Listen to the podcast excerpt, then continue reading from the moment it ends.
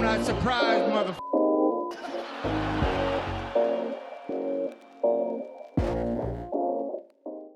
Fan vad sjukt. Det är helt sjukt när du berättar. Eh, för typ, alltså jag får gåshud. För det är som att man, speciellt när man är från Kiruna, det, är säkert så här Kiruna i ett litet nötskal. Det är så liten stad och man har som, du är fyra år äldre, men man har som alltid varit med. Dina brorsor är lika, din brorsa är lika gammal som mig. Det, blir så här, när du berättar allting om alla, du vet, kyrkogården och allting, det blir bara så här. Om man tror att man har haft det tufft och så sitter man här med dig, förstår du vad jag menar? Jo, jo, nu förstår jag hur du menar så, men det är det att eh, jag, jag tänker så många gånger att det finns ju folk som har det värre också. Alltså, förstår du vad jag menar? Mm. Och det kan vara tröst i sig, att man, man tänker så. Och jag tror att det är liksom, eh, eh, det kanske är ett skydd, skydd som man tänker, alltså förstår du, en liten barriär man, alltså, man, äh, det finns folk som har det värre. Mm. Men, men alltså jag förstår exakt hur du menar där. Eh, Kiruna är ett litet samhälle. Eh, alla känner alla. Eh, och, och, och, och sen vet många som är från Kiruna. Eh, det pratas mycket, Mm. spekuleras mycket eh, och sådana grejer. Men Mm. ja, Nej, så att, att du sitter här idag, jag är fruktansvärt, vad ska man säga, det finns som inte ens ord på det. Jag vill som bara ge mig in i dig. ja, Eh. ja, jag är lite mer skeptisk. Men ja, du har ju, det, vad är det? Jag tror det är nästan ett år Det sedan är du fan ett år sedan, för då flyttade jag och sen skrev vi där och sen när jag bara kom upp en gång i månaden så blir det så här, du vet, man ska jobba, man ska hänga med dottern. Det blir så här bara, Åh, när ska man ha? Ja, nej, men det var ju det att jag, jag tror att du, du frågade mig för typ ett år sedan. Om, November. Ja, om, du, om, om jag ville vara med i podden. Och jag kände bara, ah, så här lite grann. Alltså, visste Mm. inte eh, riktigt för att, jag menar, vad fan ska folk veta om mig? Alltså förstår, lite så Mm. kände jag. Eh, och sen så sjönk det in lite grann och jag tänkte, att, fan, det kan vara ett fint avslut på, eh, på alla fördomar eh, som har varit om mig. Eh, folk får ju fortsätta spekulera och, och tycka och tänka efteråt det här. Mm. Men det här kan vara ett ganska så här skönt avslut eh, för min egen del Mm. och för ja, mina nära och, och kära på ett sätt att jag, jag kan lägga korten på bordet nu, prata upp i hjärtat och så, så skiter vi i det här nu. Det som har varit och så blickar vi framåt och så bygger lite grann framåt på det hela. Mm. Det var lite så jag tänkte sen, senare efteråt när det började sjunka in. Och sen nu misstag av mig att lägga upp att jag var i Luleå. Och, Ja. och, och du frågade. Men vi pratade ju för två, nej, det är någon helg sedan. Så träffades, ja, Ja. och så träffades vi och, och du frågade mig då igen där. Och eh, det blev som det blev. Och nu sitter jag här och eh, Nu kör vi. ja, vi, vi, vi, vi provar i alla fall. Vi provar och, och ja, jag är som sagt sjukt glad över det. Och jag tänker att ehm, det känns också så här, Emil Flygare, behöver du ens en introduktion? Ja, ja, jo. Jo, äh, jo, det tror jag väl. Alltså jag menar, var fan, du är ju... Du är känd över hela Sverige. Alla vet ju inte vem jag är. Nej, Nej, men, för men- de som inte vet vem Emil är, ge oss en. Eh, Emil Flygare, eh, född i Gällivare, tyvärr. Eh, uppvuxen i Kiruna. Bott två år, ett, ett år kanske var, i Karlskrona. Eh, elva månader i, i Porjus, eh, det kommer vi också till. men, men från grunden, Kiruna rakt igenom. Eh, och 34 år gammal, eh, tvåbarnspappa. Ja, jag knallar, jag knallar på regnbågens vackra färger i, i dagsläget. Eh, Mm. Eh, Jag lever livet som, som jag skulle ha levt för tio år sedan. Lever, lever jag nu, eller ja, mer än tio år sedan. Men, ja. Ja, precis. Och, och, och liksom varför du är här idag och, och lite som är min röda tråd i podden är att alla kan vi göra misstag. Eller hur Emil? Och, och, och vi är bara människor. Jag har gjort misstag. Alla mina gäster har säkert gjort någonstans misstag. Och det är därför vi pratar. Vi, vi måste prata mer, öppna upp. För vem du var för tio år sedan är ju inte den Emil som sitter här idag. ja, delvis. Vi var inne Mm. på det lite. Ja, vi grann. var- De, delvis är det ju samma människa. Bara det att eh, man skulle väl kunna säga att jag börjar blomma. Eh, jag börjar bli torr bakom öronen. Kanske så. Eh, jag börjar växa. Eh, Mm. i, I min för stora pyjamas som jag kanske hade på mig tidigare. Mm. Och, om, och jag tänker så här att med din historia, vart börjar man? Det enda jag tänker så här, min första bild av Emil Flygare, du vet, vi har ju ändå, gick du på Höga Lid? Jag gick på Högalid. Och, och jag minns min första, så här att du som är, skulle jag vilja säga, ändå ganska känd i Kiruna. Och det var så här, det första jag minns där när vi gick, jag tror jag gick i mellanstadiet. Tror jag. Det känns inte bra det här. Bra början nu, men jag fortsätter. för, det, för det är inget dåligt, det, Ja. var, det var roligt. Eh, för jag gick i mellanstadiet, du var högstadiet, Emil var lite överallt, han var den där coola killen, han hade ring i örat tidigt som fan, liksom brudarna, och det var liksom bara, fan Emil Flygare, han är the shit alltså. Det är så här min första, det, det, det är mitt första jag minns om dig. Ja, ja det, jo, men det var väl fasaden som, som jag hade, eh, som jag ville att alla skulle tycka tror jag. Eh, för, att backa alltihop, eh, bara snabbt och enkelt, så kan vi backa liksom när jag, när jag var liten. Kör. Då var jag så liksom, jag var hopplös. Jag var hopplös. Eh, snabb, kort historia. Eh, morsan kommer till dagis, ska hämta mig från dagis. Eh, det står brandkåren, ambulansen, allting står utanför. Eh, hon möts av personalen som säger Maria, Maria, som min mamma då hette. Bli inte rädd, bli inte rädd. Emil har bara fastnat bakom ribbstolen. Eh, så jag hade klippt ner bakom ribbstolen och de hade fått ringa ambulans och brandkår och skruva lös ribbstolen för att ta mig lös. Och jag menar, vi snackar med tre, fyra år gammal kanske. Eh, jag minns inte exakt vad jag sj- själv var för ålder då, men det är sådana saker som jag har fått återupple- alltså, återberättat. Eh, och, och det är väl varför anledningen till att jag vill säga, säga lite om det. Eh, det är på grund av att det var typ där, jag var ett hopplöst barn. Eh, väldigt eh, eh, stökig, visste inte riktigt eh, vars jag hade mig själv. Och Mm. jag tror inte mina föräldrar visste eh, alltid vars jag var.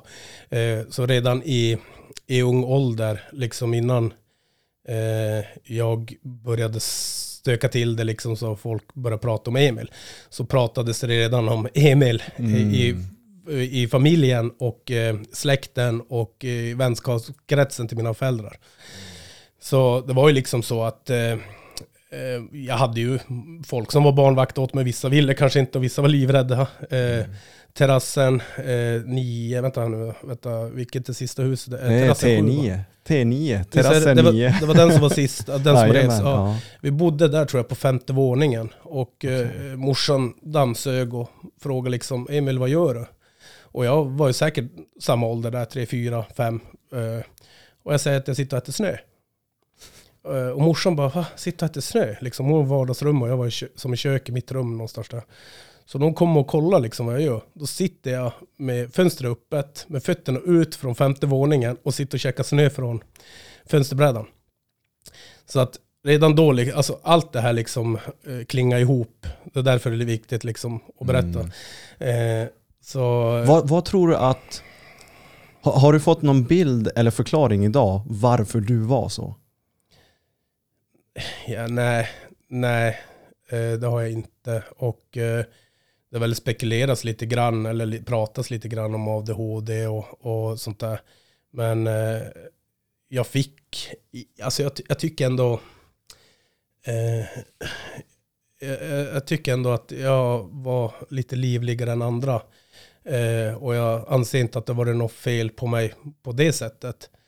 Men, men alltså det finns så roliga historier. Alltså det finns så roliga historier från när jag var liten så att eh, det är nästan som att hela det här poddavsnittet hade kunnat ha- handla bara om när jag från, alltså från 0 till 10. Eh, och folk jag träffar liksom så här, min pappas kompis och min mammas kompis jag träffar i dagsläget. De kan garva och så återberättar de saker. Och jag är 34 år gammal nu och jag kan känna hur jag bara blir bara mindre och mindre i mitt skal Mm. och skäms på grund av eh, vad jag gjorde när jag var yngre. Vad kunde det vara för grejer? Har du någon sån här som bara, "Åh, det här var Ska, helt ska, vi, sjukt." ska vi öppna upp lite grann? Dra ner Eh, tröjan. Alltså det här är ju så, jag sa ju det redan innan till dig att eh, ska jag göra den här podden, ska jag sitta här med dig så gör jag det open heart liksom. Jag, Precis. jag går rakt ut, ärlig.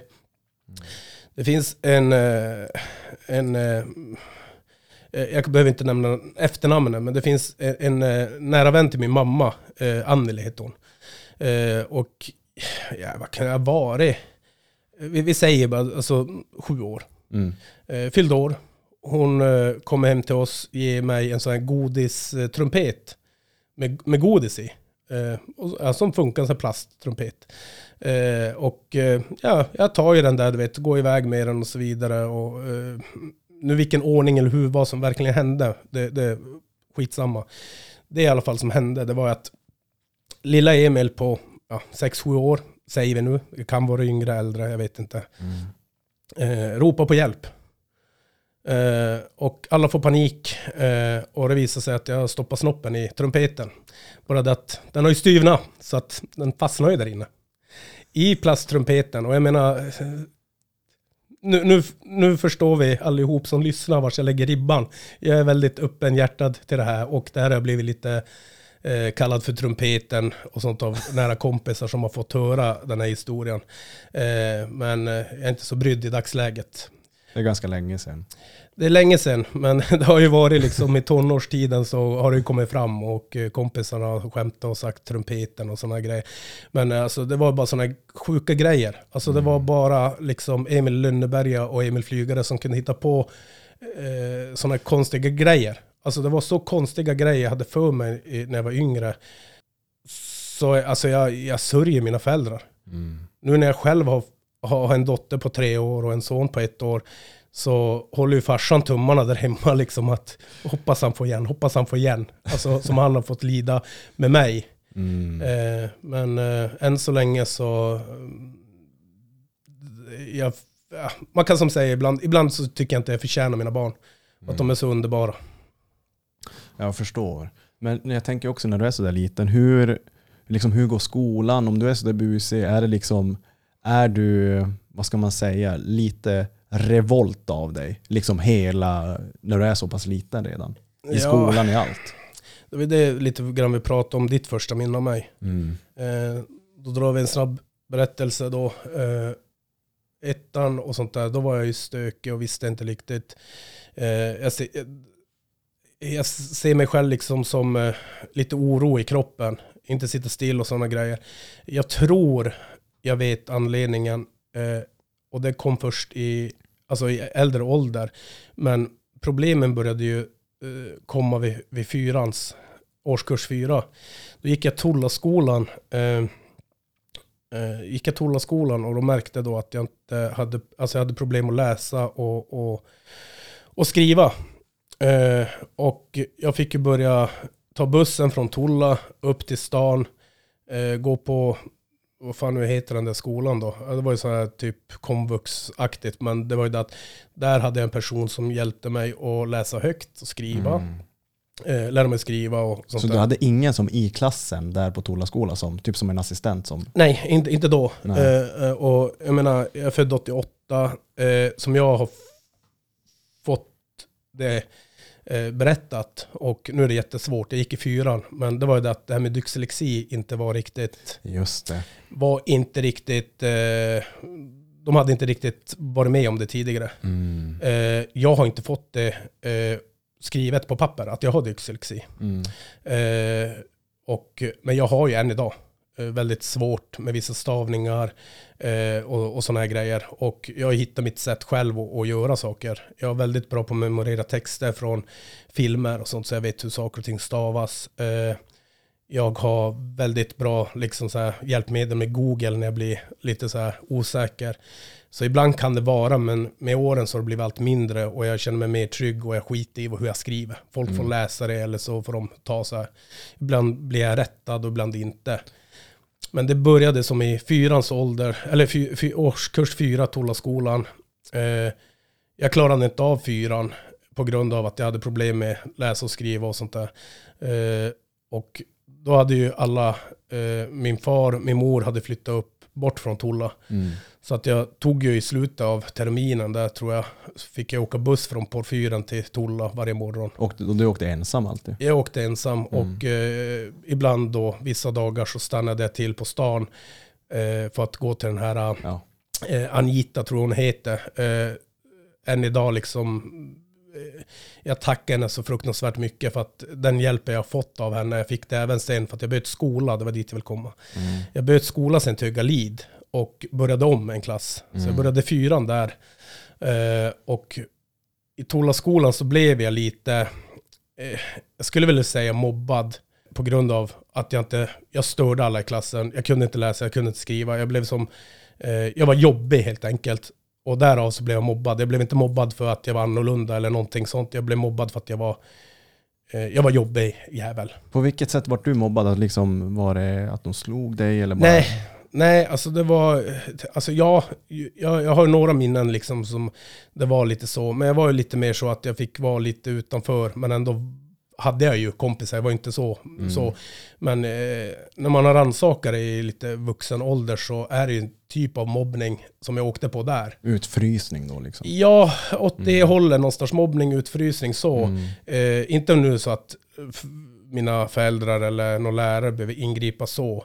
Men det var lite sådär att jag fick inte alltid vara med och sånt och, och sådana grejer. Och, Mm. Men jag hade ju kompis, men då fick man ju kanske inte vara med de coola. Då gick man till och var med de andra mindre populära, eller hur man nu ska säga. Ja. Eh, hur som havet så började jag i fyran sen i Högalid. Och där bestämde jag mig redan typ då, att då har jag ju chansen, för jag kände ju några.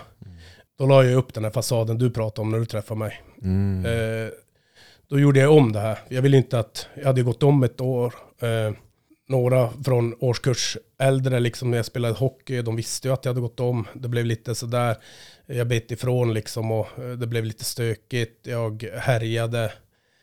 Bråk, bråkig. Eh, ja, ja, alltså jag, bara allmänt. Och det där höll ju i sig hela min skolgång. För om, du, om jag får flika in där bara, för det jag tänker är att när du, liksom du får gå om, och det är ju, jag vet ju själv, jag är ju inte mycket, många år yngre än dig, men det är lite, på den tiden vi gick i skolan, då var det lite hårdare klimat. Det är säkert hårt idag också, men på ett annat sätt det här med sociala medier och så. Men på den tiden var det så här, gick du om, men fan, kolla den där losen typ. Det känns lite jag har så. faktiskt aldrig tänkt på det nu förrän du säger det, men jag tror att det är mer, alltså jag skulle vilja, ja, jag tror faktiskt skolan har gjort det. Jag tror att det är alltså, Ah. skolan som har gjort det bättre och mer öppet till liksom, alltså det är mer vanligt att gå om nu. Mm. Tror jag. Ja, Det var mer ovanligt när vi var yngre. ja, och då blir man lite, då blir man det här speciella fåret. Ja. Känns det som. Och, att, att, och det jag tänker också när du liksom får gå om, vet du, har du fått återberättat eller tänkt tillbaka på vad du faktiskt kände när det blir mycket det här uh, utåtagerandet liksom, eh, ja, men det blir kanske bråk, det blir lite mer stök. Varför liksom det faktiskt sker och hur du mår på den tiden. Alltså nej, jag, min, alltså, jag tror att jag var mer glad att jag skulle få gå med, eh, med min kusin eh, Caroline och eh, det var massa sådana jag kände Mm. eh, som, som gick i den klassen skulle gå. Så jag såg ju mer tror jag fram emot det än Okej. att börja tänka att jag har gått om ett år eller någonting. Att du typ känner den här skammen. Nej, det var inget sånt tror jag. Alltså det tror jag aldrig. För att skam har jag känt. Och Mm. det kommer vi få höra framöver. Men, men, men eh, just då så kände jag nog ingen skam. Jag, det var väl de äldre liksom som visste att jag hade gått om. Som var lika gammal som mig. Som kanske påpekade och sånt där. Mm. Eh, men det var ingenting som jag brydde mig om. Nej. Och det har jag nog aldrig gjort. Jag har nog aldrig, alltså jag har umgåtts med mycket yngre än vad jag själv är. Eh, och det kan bero också på att jag aldrig bry- brytt mig. Mm. Jag menar, har du haft kul med, med en specifik människa som kanske är fyra eller fem år yngre, eh, så är det liksom, det är skitsamma. Mm. Ja, exakt. Och sen säger du att det liksom pågår egentligen hela din skolgång. Är det någonstans det börjar ta fart mot det värre hållet om du förstår vad jag menar? Alltså det var ju högstadiet tror jag. I, i högstadiet, vänta nu ska vi tänka igenom här. Ja, det här var jag inte beredd För det är, svår, för det är svårt att ha, hålla koll på åren när man berättar. Ja, nej, men jag, alltså, jag tror ändå sjuan, åttan, nian, alltså då började det bli lite slagsmål och sånt. Alltså så bråk i skolan. Sen på fritiden så började det väl bli lite mer, Man åkte, jag åkte mycket inlines. Eh, jag höll Mhm. på med freestyle skidor och, Just och, det. och sånt. Det gjorde det nu när du säger. Eh, och jag, eh, jag ansåg mig ändå hyfsat. Jag var inte där liksom. Vi hade jättefina talanger. Sebastian, jag ska, återigen jag nämner inga efternamn ifall Ja, precis. personerna. Men, men Sebastian, vi hade Sonny. Alltså vi hade riktigt bra killar Mm. som, riktigt, som jag trivdes med att hänga med och eh, utvecklas med när det kommer till skidåkning. Eh, men de var ju yngre än mig och de steppade upp på ett helt annat sätt. De hade mer kontroll på sin kropp än vad jag hade. Så jag kände mig lite grann att jag var lite eh, bak. Men samtidigt umgänget jag hade med dem, hela den här skidkretsen och det här med att jag kanske inte presterade lika bra. Det gav ändå, tyckte jag senare i, i slutet av karriären, gav det resultat Mm. på ett bra sätt. För då var det snack om att eventuellt sponsra Quicksilver. Eh, tror jag var 2006. Satan. Eh, och anledningen mycket var på grund av att just Sonny och Sebastian, som Mm. jag åkte med den påsken, eh, hade redan sponsor. Och de här på Quicksilver var intresserade. Och min pappa kände en av dem på Quicksilver. Och eh, då var det nära eh, att jag skulle få. Men sommaren så vred jag knäskålen ur led när jag gjorde bakåtvolt med skruv med inlines. Där, där, där slutade. Och efter det så då, det var då egentligen 06 tror jag som det började utarta sig. För att då kunde jag inte liksom Mm. fortsätta med skidor och då blev det mer skoterkörning, det blev mer hänga med polare och sånt där. Det var lite mer alkohol, moped. Allt sånt där kom in. Sniffa bensin. Eh, Just det. började röka cigg, snusa. Tidigt, alltså typ högstadiet. Nej, alltså det är det som är det sjuka. Ja, det kommer sen. Eh, ja, alltså det var i högstadiet. Men Ja. det, det är det som är det sjuka. Jag var väldigt sen på att dricka. Okej. Jag var väldigt sen på att dricka. Eh, jag tror jag var faktiskt var, jag tror det var 17 första gången jag åkte dit. Alltså av mina föräldrar. ja. Och det, alltså det är sent. För jag, jag hade ju kompisar som var 14-15 som drack. När, när hade du din första fylla? Eh, alltså det var ju långt innan jag åkte dit Ja. eh, med föräldrarna. Men eh, jag skulle vilja, bara för att jag har själva barn nu, så säger vi, det var 17. Det Ja. var första gången. Då var vi faktiskt hos en kille som, som, som var lite känd i Kiruna. Och där kan jag egentligen bara nämna efternamnet, så behöver jag inte, det är Kula. Kula kallades han för. Mm. Om, du, om, du, om du vill så behöver vi inte nämna, typ, na, om du känner dig osäker så vill, om behöver, vill du Nej, jag är, namn? alltså, jag är Ja. inte rädd. Alltså, så. Det Ja. var bara med för personerna Ja, i sig. precis, ja. Och, ja. Eh, bara för, liksom, som jag sa, jag går in för det här. Upp, öppen hjärtat. Och så Precis. får folk ta det som de vill, de som lyssnar. Mm. Eh, men i alla fall, han köpte ut åt oss och så vidare. Och sen hade vi då lite fester där. Och jag var lite grön på det här med drickandet. Kompisarna, de, så här, och jag hade ju vet, cash, du vet, man var lite eh, låg på pengar. Eh, så att jag tog ju de jag hade och jag tänkte, ja men köp tre stycken 10-2 tänkte jag. Alltså så här. Eh, och jag tänkte, jag har ju bara tre stycken. Eh, så att ja, men jag dricker dem lite fort så jag känner av någonting. Eh, det blev totalt svart liksom för mig. Eh, kompisarna ledde ut mig från lägenheten, gick till det här eh, schack, schacket. Mm. Mm. Eh, schackpjäserna där på stan, åkte mycket skateboard förut där. Det har jag avtagit helt det också. Mm. Eh, och eh, då hade jag faktiskt, jag tror att det var mina vänner som ringde, min mamma eller min pappa. Eh, och när de kommer dit så då står jag på alla fyra, spyr därifrån så det rinner spyan ner förbi Landströms i kurvan. Liksom. Eh, Satan vilken redig. ja, och så plockar de in mig i bilen. Jag tror fan jag gick på kryckor då för knät. Ja. Jag tror det. Jag har så svagt minne. Hur som haver så kom jag in i mitt rum hemma. Eh, minns det tydligt, liksom, jag mådde skit. Styvfarsan hånade mig hela dagen efter. Jag tror till och med, alltså, har jag en, vagt minne av att farsan också var förbi där. Eh, någonting. Men alltså de lät mig verkligen få slita för den där bakfyllan jag hade. Mm. Jag mådde så dåligt och jag, jag minns alltså som stunder. Det finns en värre bakfylla med, med, med, som, som jag minns mer i ungefär samma ålder. Men Ja, Men det är ändå, hur, tog de det? Liksom, fick du den här uh, utskällningen eller var det liksom bara att de, det, det var, du, du, har, jag- du har klivit över nu. Han börjar bli vuxen. nej, alltså vuxen, det, fan, det tror jag blev Alltså jag tror mina föräldrar tror att jag blev vuxen. Alltså jag, jag, man känner när sina föräldrar tycker att man är vuxen. Mm. Och jag tror att det kom någon gång vid 30, 31. Mm. Då fick jag feelingen, i alla fall av, av eh, på min pappas sida. Då, då, då började jag känna liksom att man är vuxen. Alltså jag känner den viben av, av, av den sidan. Mm. Eh, sen liksom, eh, givetvis så, så kanske jag haft glimtar av vuxen mentalitet liksom mellan 20 och 25. Men eh, jag tror inte de har trott på det. Och när jag ser tillbaka själv också så skulle jag nog säga att 30-årsåldern.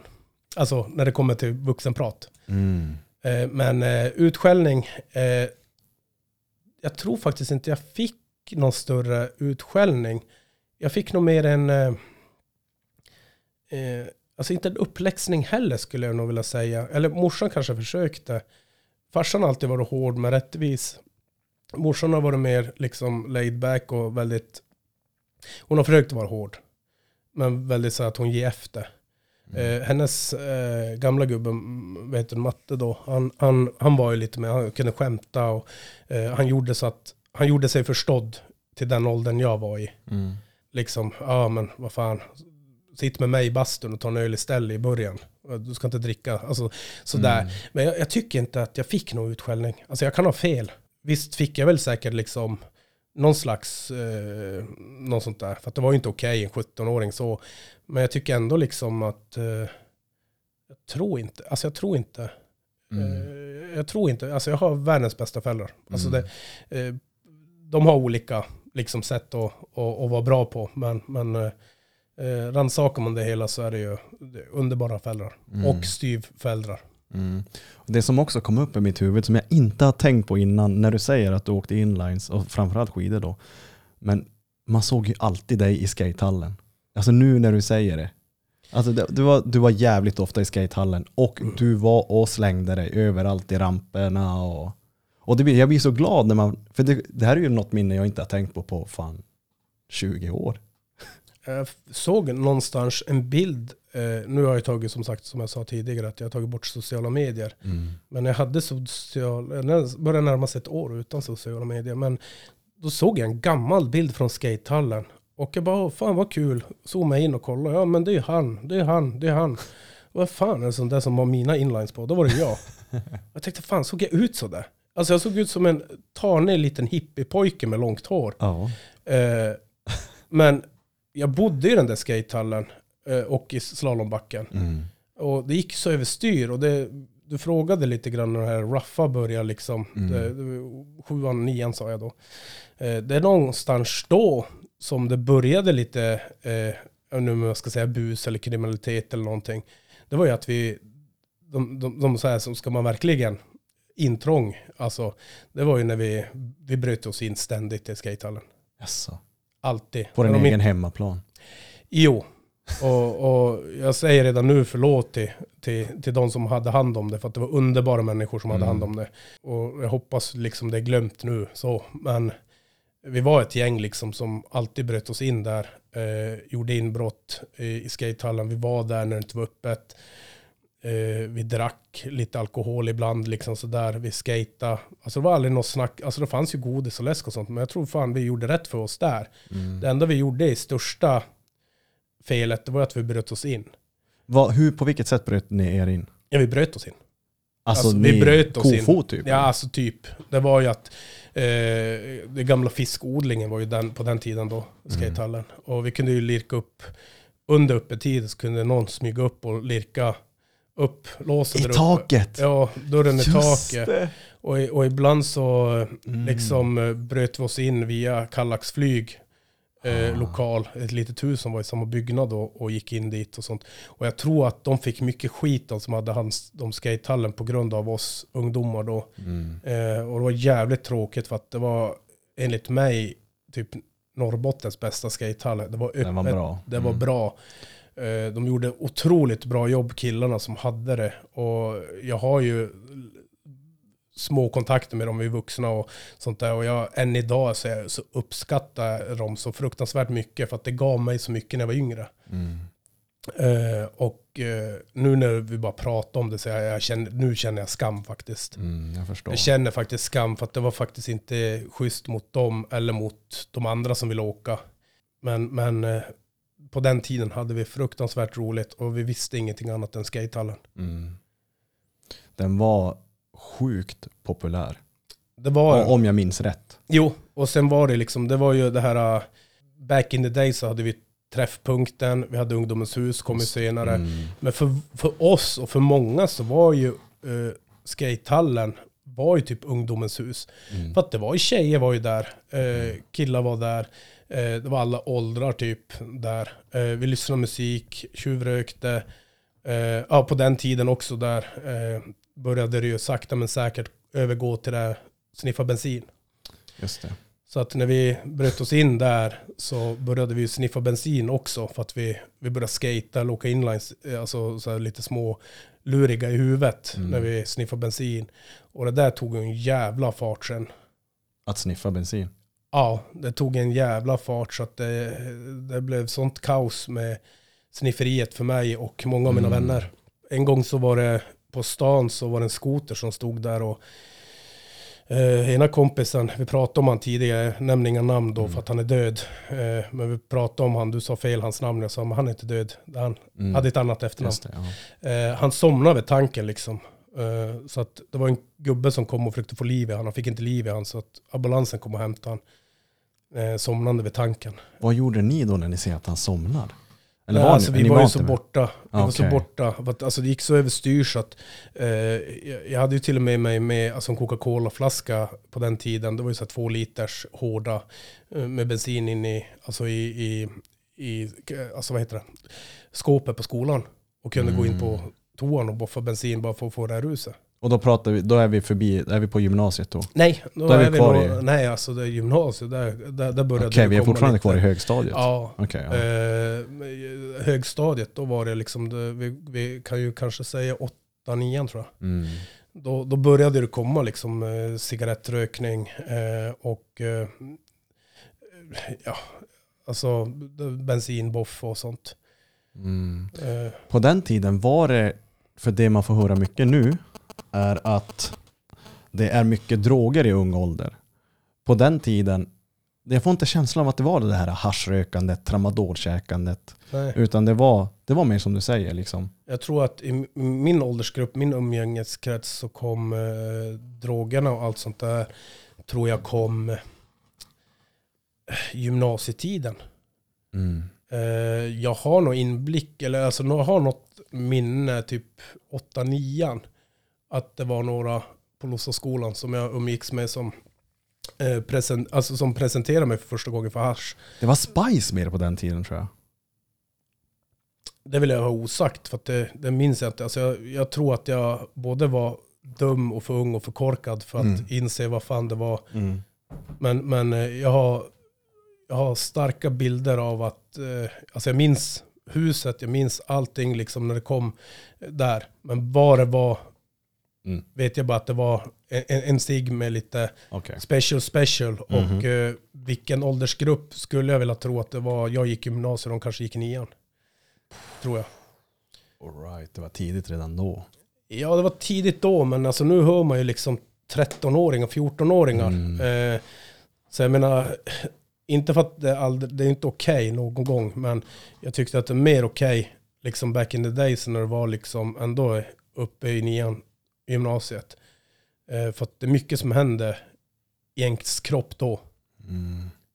Speciellt när man byter från nian till gymnasiet, alltså tänker jag. Alltså nu, nu flyttade jag för att spela hockey när jag var 15 år gammal och hade väl aldrig den kontakten på det sättet. Jag var ju emot droger när jag var liten, jag var ju så seriös. Men nu så här i efterhand, det, är, det sker så jävligt mycket och någonstans 15-16 så börjar man tro att man är jävligt vuxen. Jag vet inte. Det, det är säkert Ja. från individ till individ. Ja, nej, men alltså jag börjar bara, jag rannsakar en fråga och, och Ja. fundera och tänka efter. Alltså visst, jag kanske försökte låtsas vara vuxen till mina föräldrar. Jag har, alltså det är några minnen som kommer upp alltså, snabbt i huvudet när, när, när jag säger det. Mhm. Eh, så jo, eh, till föräldrarna så försökte man väl vara vuxen. Men till kompisarna och sånt tror jag inte inte, alltså det var väl, nej, alltså jag tror fan, alltså helt ärligt mannen på hjärtat, jag tror vi alla visste att vi var lite omogna och lite svamliga. Jag tror Mm. nog aldrig vi var, eh, jag tror nog inte vi kände oss vuxna av, av Det- de jag umgicks med. Jag tror vi köpte ändå att vi, vi är inte som alla andra, vi, vi var Ja. mer hippies, alltså vi gjorde lite vad vi kände för och, och sådana grejer tror jag. Det kanske är mer att jag tänker så just för att jag flyttade hemifrån så tidigt och liksom skulle börja sköta det här hushållet, spela hockey på en ganska hög nivå. Det är väl det som kanske gör att man känner sig lite större än vad uniformen är. Jo, det kan vara, alltså, det kan ju vara också förväntningarna. Ja, alltså jag menar, ja, jag menar om du, i, i ditt fall var det ju ho- hockeymålis och, Mm. och jag menar, du hade ju tränat hela ditt liv och jag menar, jag tror att det var kanske, alltså nu, rätta Mm. mig om jag har fel, men alltså det är bara det är en spekulation från min sida. Det kan ju vara så liksom att du skulle börja på hockeygymnasium va? Mm.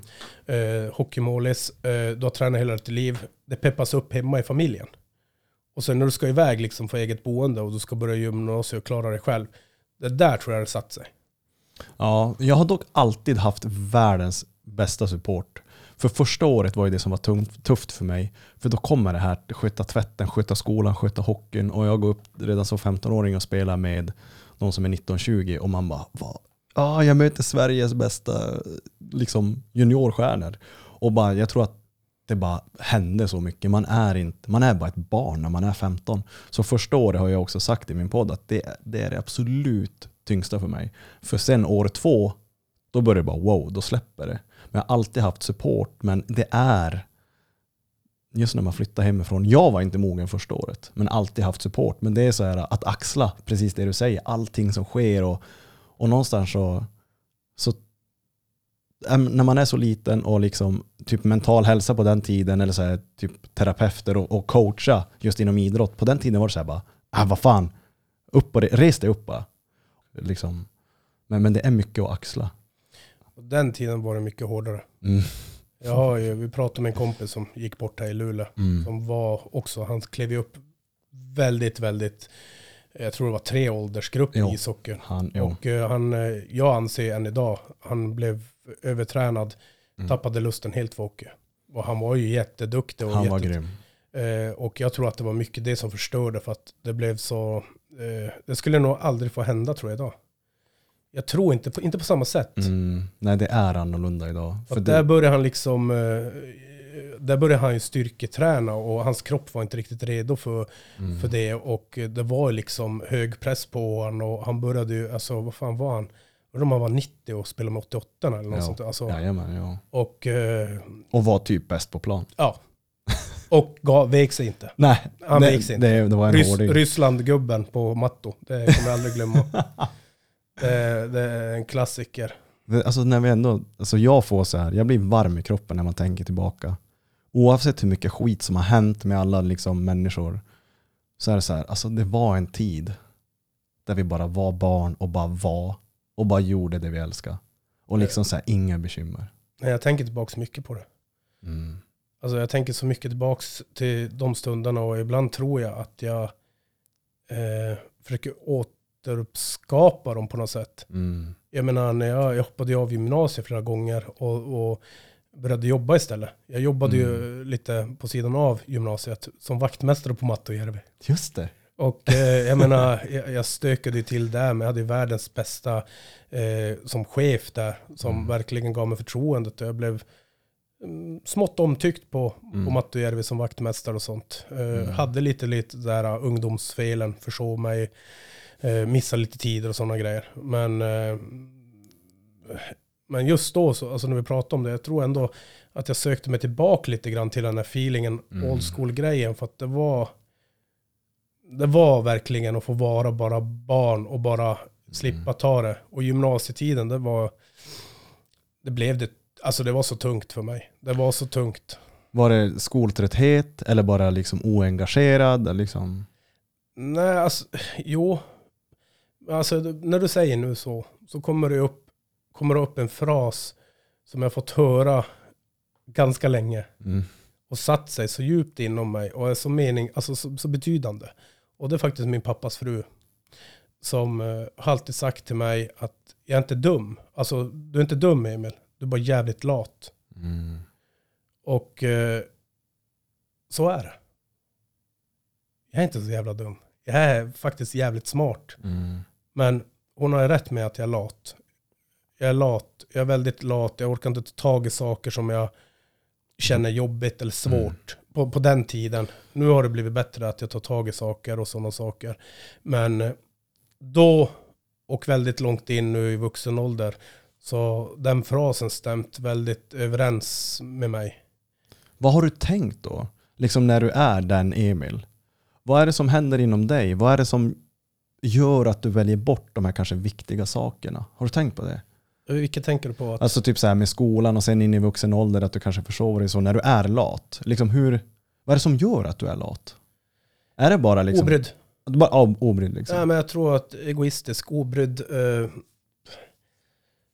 jo, alltså om man backar liksom så det, det, jag tror att jag var väldigt obrydd. Jag, jag, sket, alltså jag sket i hur det gick eller någonting. Ändå så var jag ju, alltså ska vi dra upp det en skala, 100% i skala, så kanske jag var 80% obrydd. Men Mm. de här 20 procenten, det var liksom, det var inte för mig tror jag. Mm. Jag tror inte de här 20 procenten var för mig. Jag tror att det var för min familj och mina närstående. Att man ville göra dem glada, att man ville göra så. Men skulle jag backa tillbaka hela den här jävla skolgången och det, så hade jag nog fan aldrig gått skola. Mm. Och idag, alltså bara för några dagar sedan hörde jag på nyheterna och... eh, nej, det var, en, eh, det var faktiskt ett YouTube-klipp eh, från underjorden som jag råkade vara med i Mm. eh, Sveriges järn, jär- läng- eller djupaste järngruva eller någonting var det något YouTube-klipp. Och så var jag med i något klipp där såg jag. Och sen var det en gammal klasskompis till mig som var där. Och då frågade de här killarna vad man behöver för att jobba på LK. Och då sa hon gymnasiebetyg. Mm. Och då klickade jag bara och tyckte, fan, alltså det är ju det är så jävla sjukt det här med gymnasiebetyg, att det krävs överallt. För att jag har lyckats bra. Jag har ingen gymnasiebetyg. Jag har dåliga, alltså grundskole, Ja. MVG i syslöjd. Det är det. Eh, mitt MVG. Vad- jag är här, nöjd över mitt Vad gjorde du med läraren för att få det MVG? Nej, grejen var ju det att jag hasslade, alltså det är ju så sjukt. Träslöjdsläraren ville inte ha mig där för att jag gjorde vapen.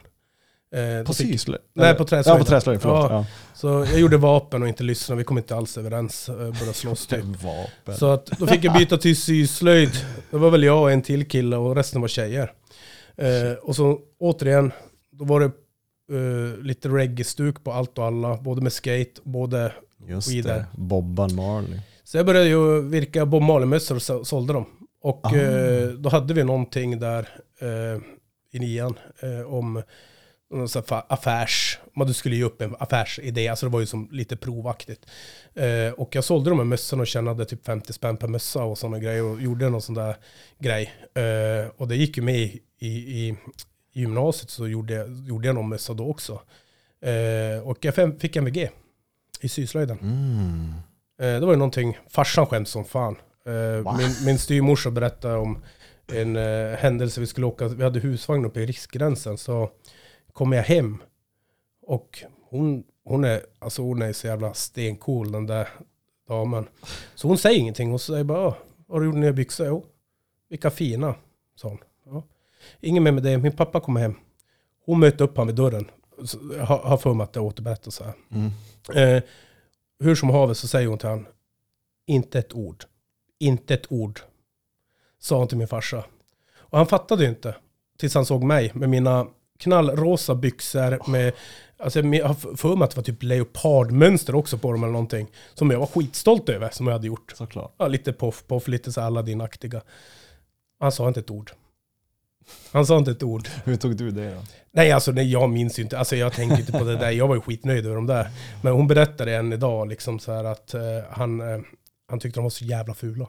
Och de var säkert skitfula. Mm. Men, men just det här att hon var så jävla cool och gick och sa åt han och hon sa inte till mig.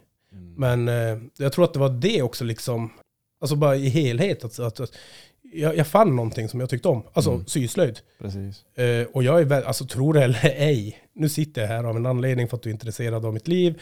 Eh, jag har gjort lite grejer, jag har stökat till det. Men jag är faktiskt jävligt intresserad av inre, he- heminredning. Mm. Okej. Eh, möblera om rum, eh, göra rum och sånt. Eh, alltså inte nu sånt där så här. Men ska en kompis möblera om eller ska en kompis bygga om eller någonting så är jag väldigt så här, intresserad och säga att man kan ju så och så och så. Eh, Mm. Lite åt det hållet så. Eh, inte nu att jag hade någonting jag ville jobba med eller något sånt. Men jag tycker att jag är jävligt bra. Min, min, min sambo får inte bestämma någonting.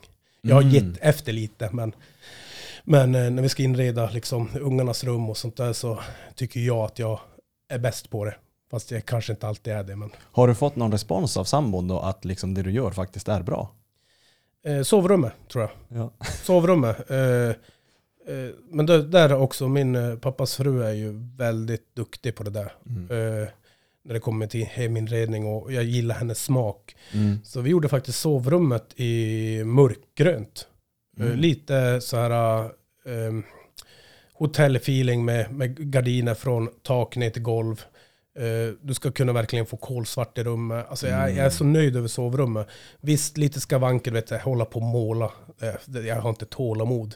Tapetsera. Ja, tapetsera kan jag inte. Alltså det, det, det hade- det inte ens varit kul om man fick dricka öl samtidigt. Okej, du Ja. hatar det. Nej, men, men säga hur andra ska göra och inreda ett rum. Mm. Det, Där det tycker jag är du. skitkul. Är det här någon, det här blir ju lite som en, du hade en side business med reggae-mössorna, du kanske har en side business och inreda till polarna också och ta, ja men, att jag tar en, Ja, ja, jag har ju försökt ge min kompis som har hus eh, på Lompis, eh, en av mina bästa kompisar. Jag har försökt ge han tips så länge hur han ska göra med sin köksö. Eh, han bara ig- ignorerar mig. Och sen så höll han på att börja bygga bastun och allting. Vi hade jättebra planer jag och han. Eh, liksom pratade hur, hur jag tyckte. mm. Och så träffade han en tjej. Och så, inget ont alltså till henne eller till honom över det, men eh, så hittade de en annan lösning hur de skulle göra. Och så det tog så hårt i mitt hjärta, alltså, så här, in, alltså förstå mig rätt, alltså, det, Jag fattar vad du menar. jo, alltså på, på ett skämtsamt sätt. Såklart. Eh, och de gjorde helt emot, så jag brukar jävlas när jag är där och säga, ja det blev fint, men det blev inte som vi pratade. Nej. Men, men alltså det blev så sjukt fint.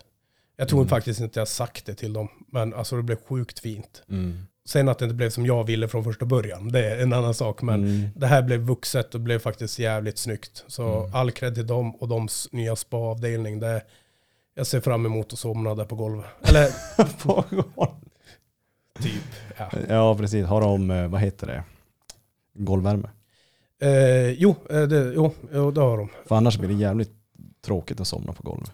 Jo, nej men det spelar ingen roll. Det spelar ingen roll. är ganska varmblodig. Jag svettas nog enormt när jag sover. Fan vad roligt, jag visste, den sidan hade inte jag kunnat. Nej, men det var ju det jag sa. Jag ska vara lite öppenhjärtad. Eh, Ja. så, men, Det är bra, det är fint. Eh, jo, men det, alltså, det är lite en sån här uh, mer kvinnligare sida av mig tror jag. Eller ja, det, i dagsläget tycker jag inte det är kvinnligt för fem öre, men alltså ska vi backa banden då när det verkligen kom upp till mig eh, med möblera om och heminredning, då var det lite mer så här, uh, du är lite lagd åt andra hållet eller lite mer åt tjejhållet. Alltså att det var för kvinnor.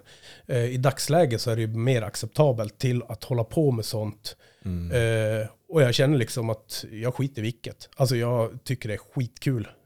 Mm. Ingenting som jag alltid vill hålla på med eller någonting. Men ge tips och råd till folk. Som senast idag så har jag hållit på med min farmors carport och lagt dit Mm. UV-lampor och gjort allting. Så jag är så helspänd när jag ska åka tillbaka dit och kolla hur det ser ut nu när det är mörkt. Mm. Men eh, det lilla jag såg när jag åkte, så sjukt. Alltså med tre små lampor kan Ja. få ett hus att se så nytt och fräscht ut. Ja. Det, det är lite det. Det, ja, men det är bra. Men då har du, vad ska man säga, det, det är ändå så här, det, det är som en passion du har. Typ så här på sidan av, av allting. Ja, eh, ja, jo. Alltså en, en viss del av Ja, mig. precis. Eh, ja, alltså när det väl kommer till krita, så är det någon som bygger om eller är det man själv ska flytta in någonstans, då är det 110 för mig. Alltså då är det så här, jag ska bestämma, ja, så här ska vi ha det. Eh, men inte så att jag söker det, alltså så, Ja, jag så ständigt. Jag förstår. Alltså, Det, det ligger där lite vilandes. ja, men jag kan kolla på ett hus och tycka att vad fan har du gjort sådär, så här ska du ju ha gjort. Ja. Jag är ingen snickare, ingenting, men alltså det finns lite sådär i mitt inre som säger liksom att fan så här, det är jävla snyggt. Och alltså, hade man lagt en lampa där, hade man gjort så där, där, Mm. eh, fan vad det hade sett fräschare ut. Mm, alltså så- förstår du vad jag menar? Absolut, Ja. absolut. Men om vi får, eh, vi, vi hoppar tillbaka på eh, livshistorien, även om det här är en del av dig. Eh, om, vi, vi är väl omkring gymnasietiden liksom där liksom du skadar knät, eh, det, du är inte i skolan, du jobbar lite extra. Det jag tänker som, som kom upp när du berättade var det att eh, hur är din dialog med föräldrarna när, liksom skol, när du väljer att hoppa av och väljer att ta ett jobb istället? Liksom, får du mottryck där eller har du support? Jag tror inte, alltså jag, så, alltså jag tror att jag förträngt det. Okej. Alltså, för jag, jag, kan, jag har inget bra svar. Eh, givetvis så, så tror jag ändå att de var less på att jag höll på att tjorva fram och tillbaka. Mm. Eh, och stök och inte gjorde ändå rätt för mig. Mm. Eh, men någonting som har bärt med mig också jävligt länge som gjorde att jag gick tillbaka till skolan, hoppade jag av och som började igen. Mm. Det är en natt i huset på Skräddargatan, där har det ju varit. Mm. Hade jag rum på övervåningen och skulle gå och pissa. och det här vet jag inte om, alltså det kan vara väl vara en dröm. Mm. Men alltså det är så verkligt i sådana fall så att eh, det är att när jag går, öppnar min dörr, liksom smyger, vill inte väcka någon. Så hör jag liksom hur någon snyftar, typ. Och jag hör min pappa grina. Och säger till min, min, eh, alltså min styvmamma, pappas fru då, att vad ska vi göra med honom? Mm. Vad, vad, vad ska vi göra med honom? Alltså det var typ någon sån här, de där orden liksom har ältat i mitt huvud så jag minns inte ens mer vad han har sagt. Och om det är en dröm så är det väldigt, alltså det har satt sina spår i mig. Symbolisk dröm. Eventuellt, eller om det är verklighet. Eller om det, precis. Ja. Men, men hur som haver så är det ju någonting som jag har så jävla ångest för Mm. när det gäller skolgången. För det första är alla mina klasskompisar och lärare så utsatt för bara skit bara för att inte jag kunde bättre. Mm. För andra är det mina föräldrar som jag sårar så in, enormt mycket liksom för att jag inte har fixat det. Men jag minns inte faktiskt, helt ärligt. Eh, jag, jag tror inte det var okej liksom. De ville inte. Men jag Mm. tror samtidigt att de orkade inte hålla på. Och jag har för mig att de sa att ska du inte gå skolan så är det bara att söka ett jobb. Ja, lite så här överlåter det på dig liksom att Emil är Emil. Liksom, det spelar ingen roll vad man säger, han kommer alltid gå sin egen väg. Lite grann så kanske, eller? Ja, det, det kan vara så. Eh, Det är jättesvårt att blicka tillbaka och, och uppfatta för att man Mm. själv inte riktigt var... Man var inte som sagt vuxen. Nej. Eh, Men, men eh, ja, lite så. Och jag har för mig att jag hade egen lägenhet också gymnasietiden och jag bodde som inte hemma. Mm. Men hur som haver så började jag jobba och jag fick ju hjälp av, av föräldrar och så vidare och, och få lite jobb och lite så här. Och eh, nej, men jag jobbade på, ja, nu tappar jag helt alltså vad, vad jag jobbar med. Jag jobbar som vaktmästare på Mattojärvi. Eh, jag jobbade som eh, personlig assistent tror jag det var. Jag jobbade som murare i Kalix, i Luleå, Piteå och Mm. sånt. Det var sommarjobb kanske. Jag jobbade åt min pappa efter järnvägen. Mm. Och där, alltså, men jag var inte redo att jobba heller. Och, och sånt. Sen styvfarsans företag jobbade jag. Eh, Men under all den här tiden med jobb och allting så blev jag, alltså jag var ju bara mer och mer liksom, jag tjänade pengar, jag började supa. Mm. Eh, och jag var ju, alltså jag var busig, eh, men jag var väldigt snäll och Mm. tog mycket skit. Eh, och det var ju här vändningen kom. För att folk lekte ju, de kunde göra vad de ville med mig. De kunde säga vad de vill, knuffa mig, göra vad som helst för att jag gjorde aldrig någonting tillbaka. Och det var en vändning där en gång som jag flippade ur. Mm. Och så märkte jag att jag, fan, jag kan ju slåss. Mm. Jag kan ju slåss. Och det var ju där liksom det började liksom att jag, det var fan tidigare, det var gymnasiet, eller i, i 8-9 tror jag jag började med, Ja. slå, det där kom. Hur som haver så började det komma bara mer och mer att jag slogs, eh, eh, mer och mer att det var i fyllan, mer och mer att folk sökte upp mig och, och verkligen tryckte på punkterna och sådana grejer. Som, typ, som, typ som mest, punkter? som, eh, alltså punkter liksom, alltså att jag skulle liksom Bara trigga igång det? Ja, alltså jag liksom. hade ju, hade alltså, jag kan dra, alltså det, jag spolar något år nu framåt. mm. Eh, bara för att inte allting ska bli heller långdraget. Men första gången min lillasyster, bara en lite lätt grej, var på ett ställe och skulle sova över. Hon var inte gammal. Då ringer min mamma och frågar, kan du åka dit och kolla om hon har druckit? Mm. Så jag åker dit till det här huset. Jag tar ut min lillasyrra. Hon blåser rött på mätaren. Och det svartnar för mig. Mm. Så jag tar tag i min lillasyster, lyfter upp henne på, hu- eller på taket på bilen. Alltså bara så här, i ren ilska. I, inte nu att du vet, så här, ta henne i håret eller någonting, alltså i axlarna och lyfta upp henne. Och skriker henne och bara fan liksom så här. Och jag hade ju själv druckit, in- inte för att det är något så här. Men jag, var, jag, jag skulle väl säga att jag var lite hårdhänt, men jag tror att jag mer ruskade om henne än, än hårdhänt så. Så hon hoppade in i bilen, min tjejkompis som körde sa lugna dig, lugna dig, lugna dig. Det svartnade. Jag gick in i huset, det var ju full fest där med, alltså, jag tror fan de var typ 12-13 år. Så hur som haver så gick jag in i huset, fick tag i mammans nummer som hade pratat med min mamma om att hon skulle ha hand om ungarna. Mm. Ringer till henne, hon är uppe på stan och, och kröka eller någonting. Okej, ja. ja. Och eh, hon säger, ja men vad gör det för någonting att, att de dricker? De är ju hemma. Typ, typ i den, alltså så, Mm. minns, så minns jag det. Mm. Som jag sa, folk kommer att säkert säga att nej men så var det inte. Men Mm. det är så här jag minns allting. Precis. Och det är så här jag berättar allt. Så vi, och, vi åker upp på stan då. Eh, jag åker till den där adressen vars mamman är. Mamman kommer ner i, i trappuppgången i hissen. Hon har hundarna med sig. Och jag börjar som skälla ut henne. Ner kommer hennes kille och en till kille. Och suger tag i mig och trycker upp mig mot väggen. Och jag är ju som, då är jag redan beyond, alltså då är jag Mm. redan börjat svartna ögonen. Jag säger släpp henne inte mig på fem sekunder så smäller det. Jag misshandlade dem i trappuppgången. Och innan jag går ut från trappuppgången tar jag fram min mobil och fotar dem och säger fy fan vad ni är patetiska. När jag kom, går ut därifrån då eh, så har jag redan minnesförlust av vad som har hänt. Min kompis, tjejkompisen åkte iväg med lillasyrran. Jag börjar gå till stan. Den kvällen blir det lite bråk eh, där. Och sen kommer det då som jag ville punktera att det var folk som tryckte på mina. Mm. Då kommer en kille fram till mig och säger så här, ja men ska inte du misshandla mig Emil? Ja varför det? Nej men jag har ju misshandlat din lillebror. Han hade inte gjort det. Men han började trycka på mina punkter och ville verkligen att jag skulle. Mm. Så att eh, då hade jag ju från den här första till den här killen som kom fram. Då hade jag ju misshandlat flera stycken också. Mm. Så den här killen, då började han ju knuffa på mig och sånt där. Och jag stod och filmade och hånade han. Och så knuffade han mig och jag knuffade han. Och sen sopade jag till han så han flyger ner i backen. Och sen blir det fullt slagsmål. Sen kommer det en jättesnäll kille, jag minns inte hans namn och jag, jag behöver inte nämna det här. Då kommer en jättesnäll kille som, alltså jag, han kommer i alla fall och ska avbryta och ta tag i mig. Vilket jag tror att det är den här killen jag slåss med, kompis. Mm. Så att jag slår ju ner han och sen springer jag och så börjar jag stampa i ansiktet. Och då kommer det en äldre dam som skriker typ vad jag håller på med och sånt där. Polisen kommer, jag tar upp den här killen jag står och sparkar med, springer iväg med han fort som fan. Får, så, då börjar jag klarna upp i huvudet, vad fan håller jag på med, vad, vad är det?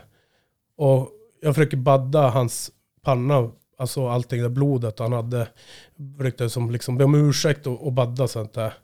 Och i det där fallet så kan jag välja att gå därifrån. Det gjorde inte jag. Jag gick med honom till polisen och polisen tog in mig. Mm. I rättegången efteråt så berättade han ju att han kom ju bara dit för att hjälpa för att eh, avbryta. Eh, och jag sa det och jag, än idag liksom, han, jag minns inte hans namn som sagt och det, jag hör ju inte hemma hit så. Men så otroligt snäll kille. Mm. Så otroligt snäll kille. Och jag sa det i rättegången också att sluta inte med det du gör och gå emellan.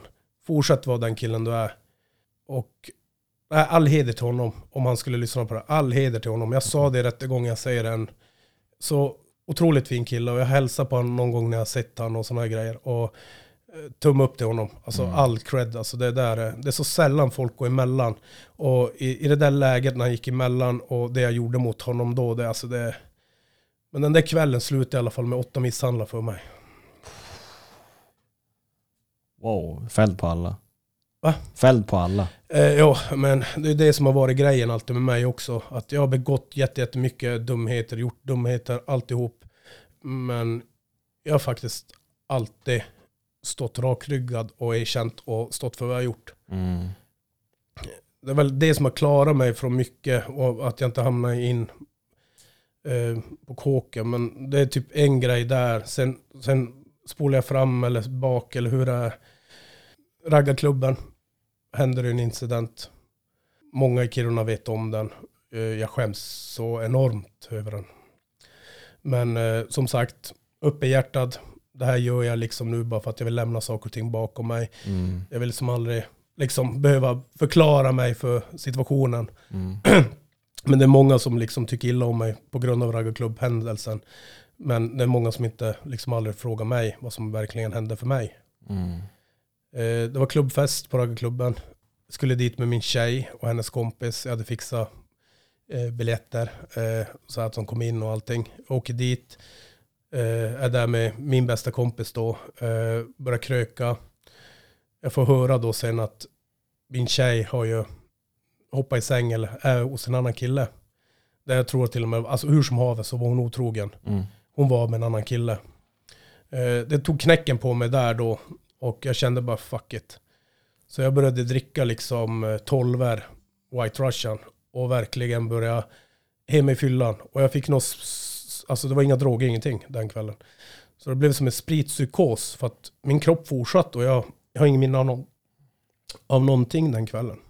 Det sjuka av allting är ju det att när vi ska gå ut och röka så är det en kille som frågar om vi ska dra fingerkrok. Så ja, visst liksom. Och min kompis då som var med, han tyckte det var skitkul och skulle ta upp, ta upp och filma. Och han var ju mycket äldre än mig, så han, han var ju säkert 20 år äldre än mig. Och vi började dra fingerkrok och sånt där. Han har, jag hade ju ingen suck. Jag hade ju ingen suck. Så sa jag det, men vi provar igen. Så när vi provade igen så sa jag i filmen, det här är en film jag har sett själv dagen efter. Och jag har bara sett den en gång, jag vill aldrig mer se den. Mitt i allting, då andra försöket, så säger jag, vänta, jag fuskar. Och man hör bara, Mm. och sänker han med, med min vänstra hand. Och min mamma kommer in i bilden och lägger sig emellan för att hon ser vad som händer. Och jag hör min röst i den här filmen. Och alltså jag blir fan känslig bara jag pratar om det nu. Eh, jag hör att det inte är min röst. Jag hör, alltså, och min mamma bara får panik där. Hon har ju, alla är alkoholpåverkade. Och jag tror att han flyger på henne. Alltså av filmen att bedöma. Så jag säger typ, vad fan rör du min morsa? Vad fan rör du min morsa? Så jag sliter ju bort min morsa och börjar puckla på han liggande på backen. Och det kom ju folk där liksom, jag var helt tokig. Alltså jag sopade till så många och det hände så mycket och ingen fick stopp på mig. Alltså det vi snackade om fullvuxna karlar som inte fick stopp på mig och på den tiden var jag spinkig. Alltså jag var tanig. Men det var någonting som gav mig extra alltså styrka och allting. Eh, till slut så, som jag har fått återberättat, återigen, det här är vad jag har hört, vad jag har minne av. Eh, så kommer min farsa med taxi och kastar, mig, kastar sig över mig och får mig liksom platt på marken och ligger över mig. Och de lyckas få mig att lugna ner mig. Farsan kastar in mig i taxin. Taxin kör hem mig till Glade 27 som jag bodde då.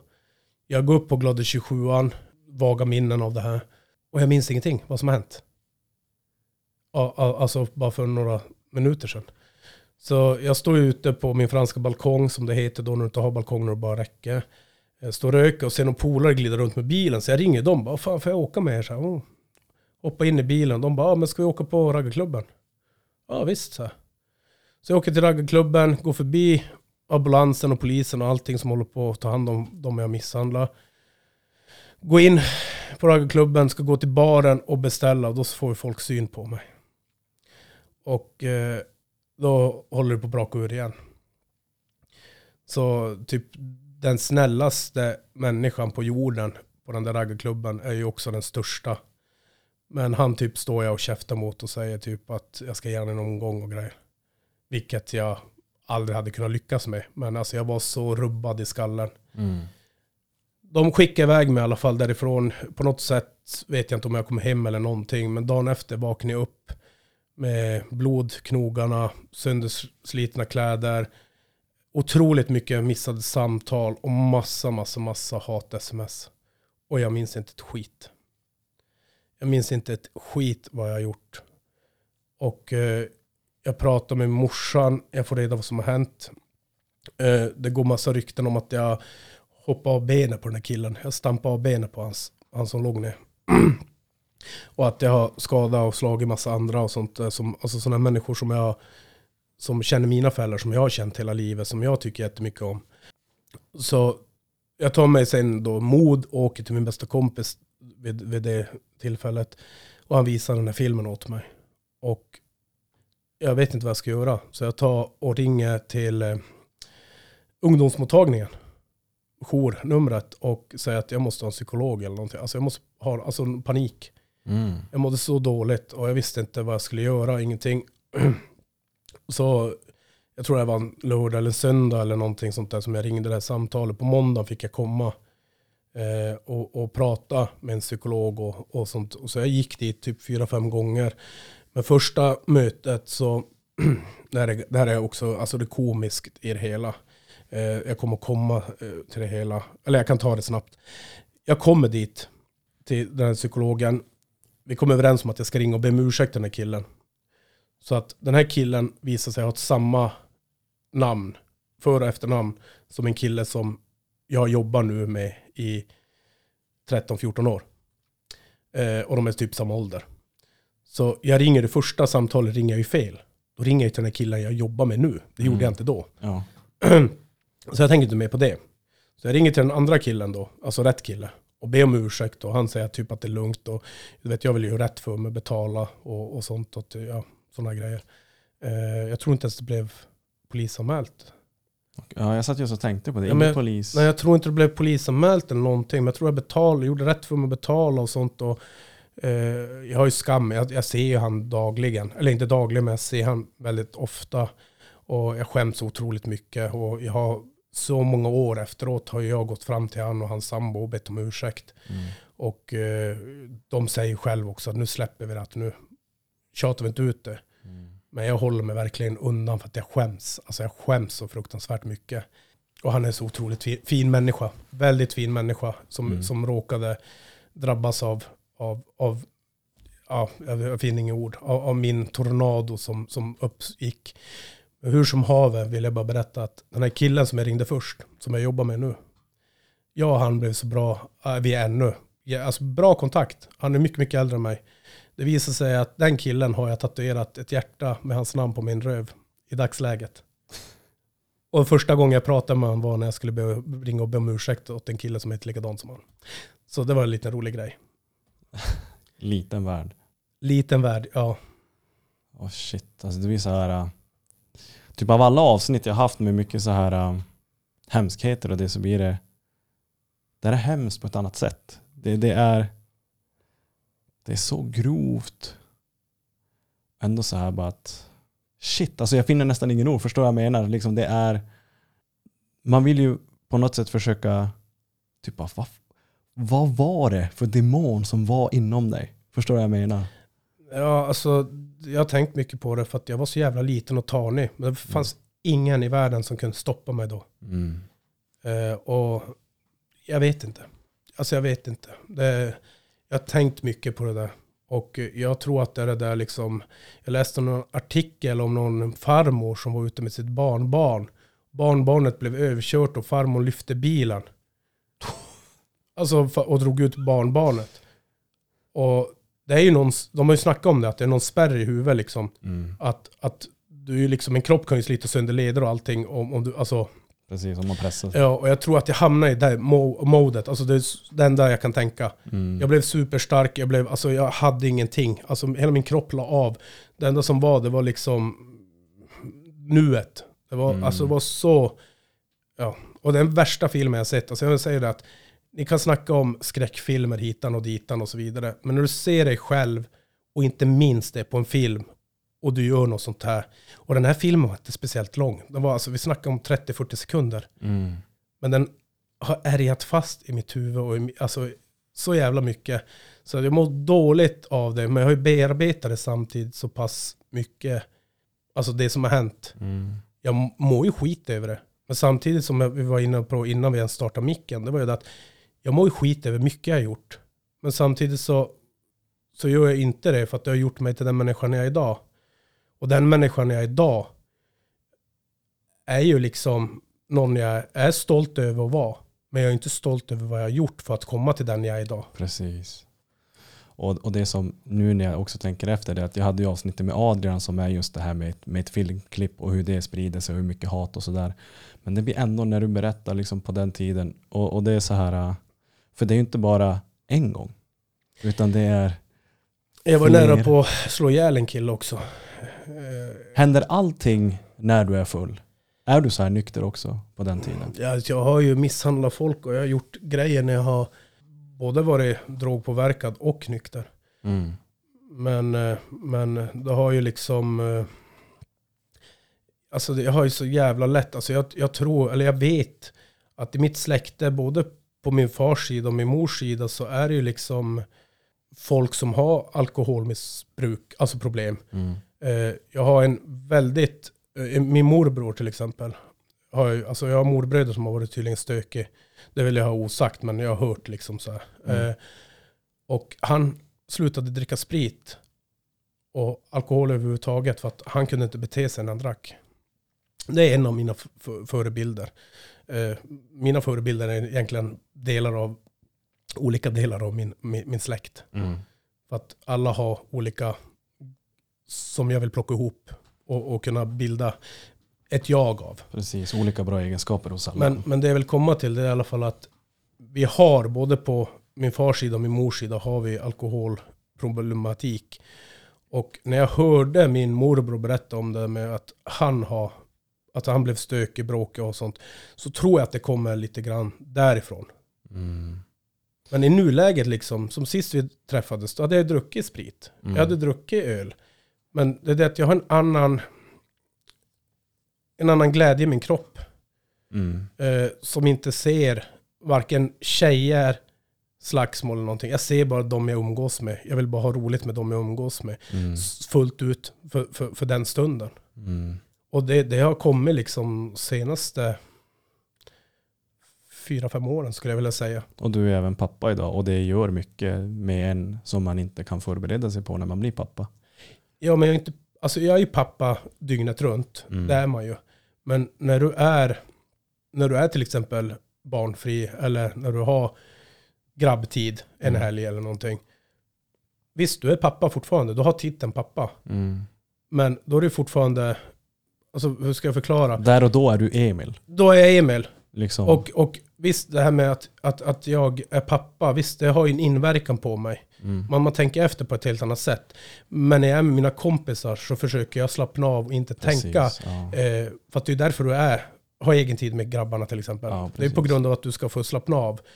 Och, och det, dit jag vill komma det är ju det att jag tror inte bara att det är att jag är barn idag. Att jag är Mm. pappa.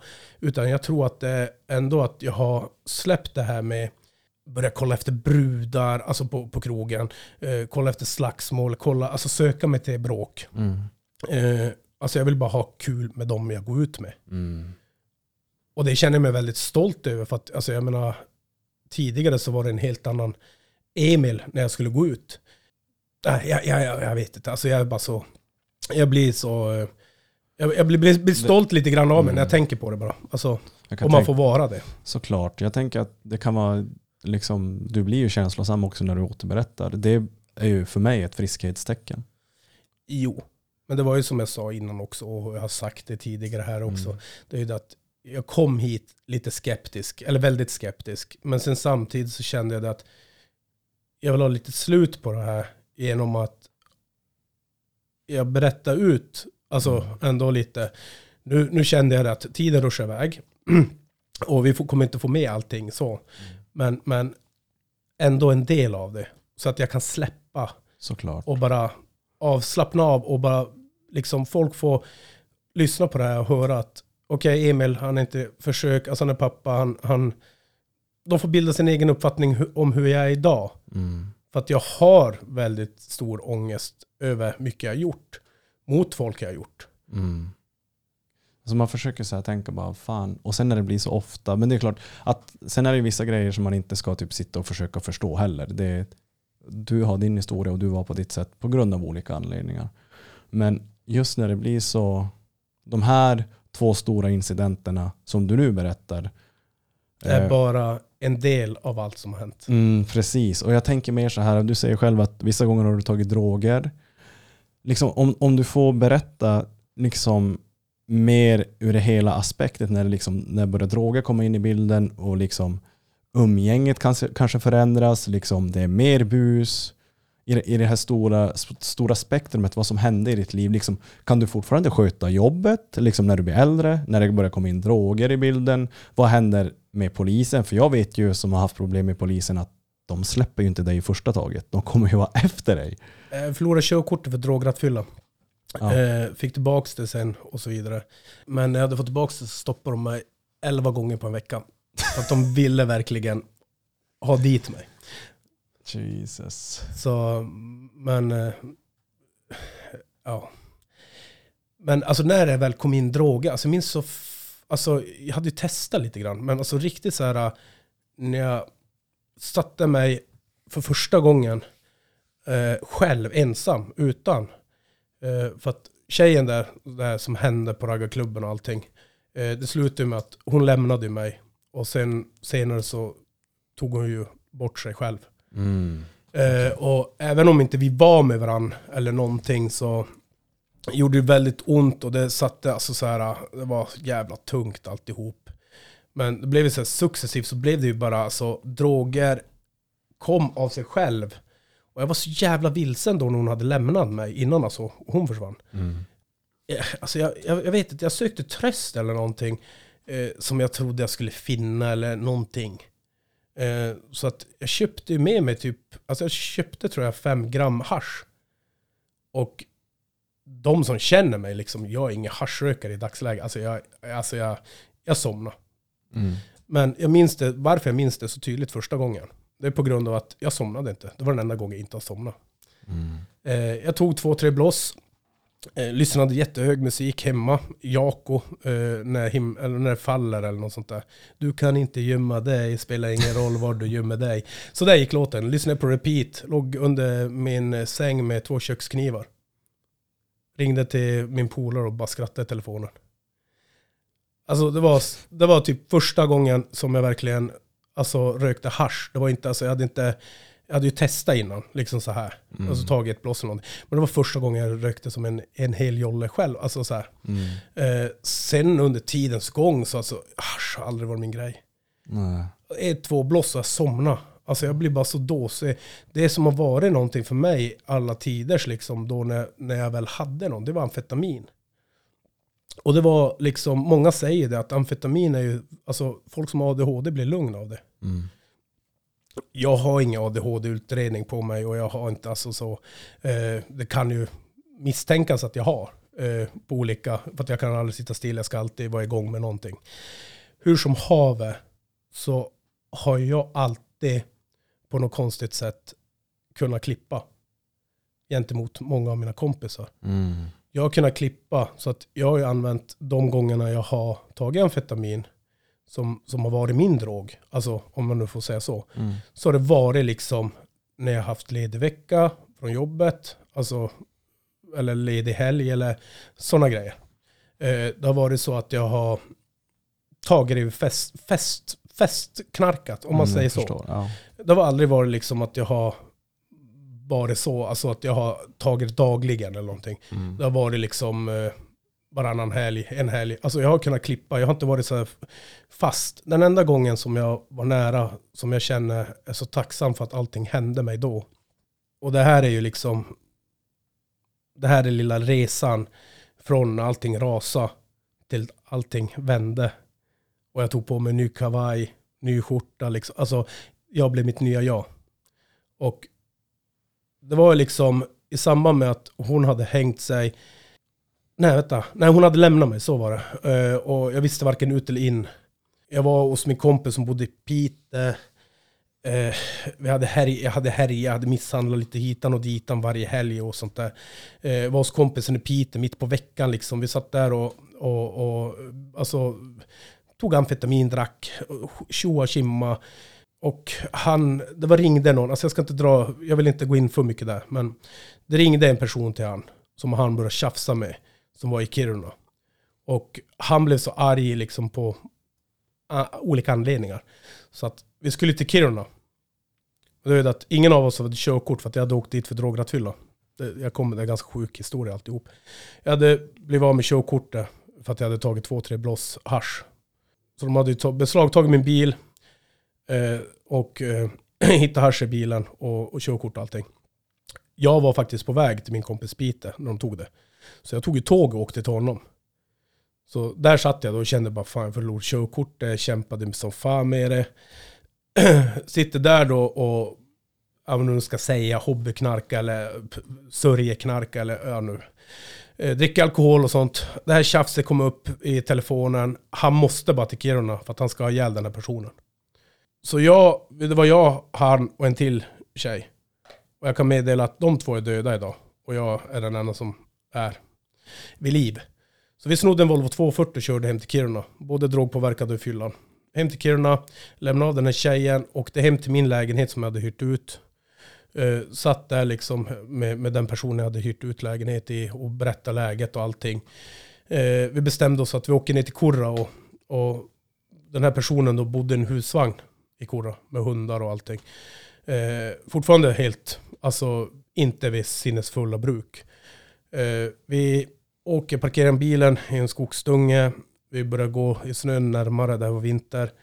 Eh, vi askar, alltså vi, ni, folk som har tagit droger och vet att man blir lite över. Ja.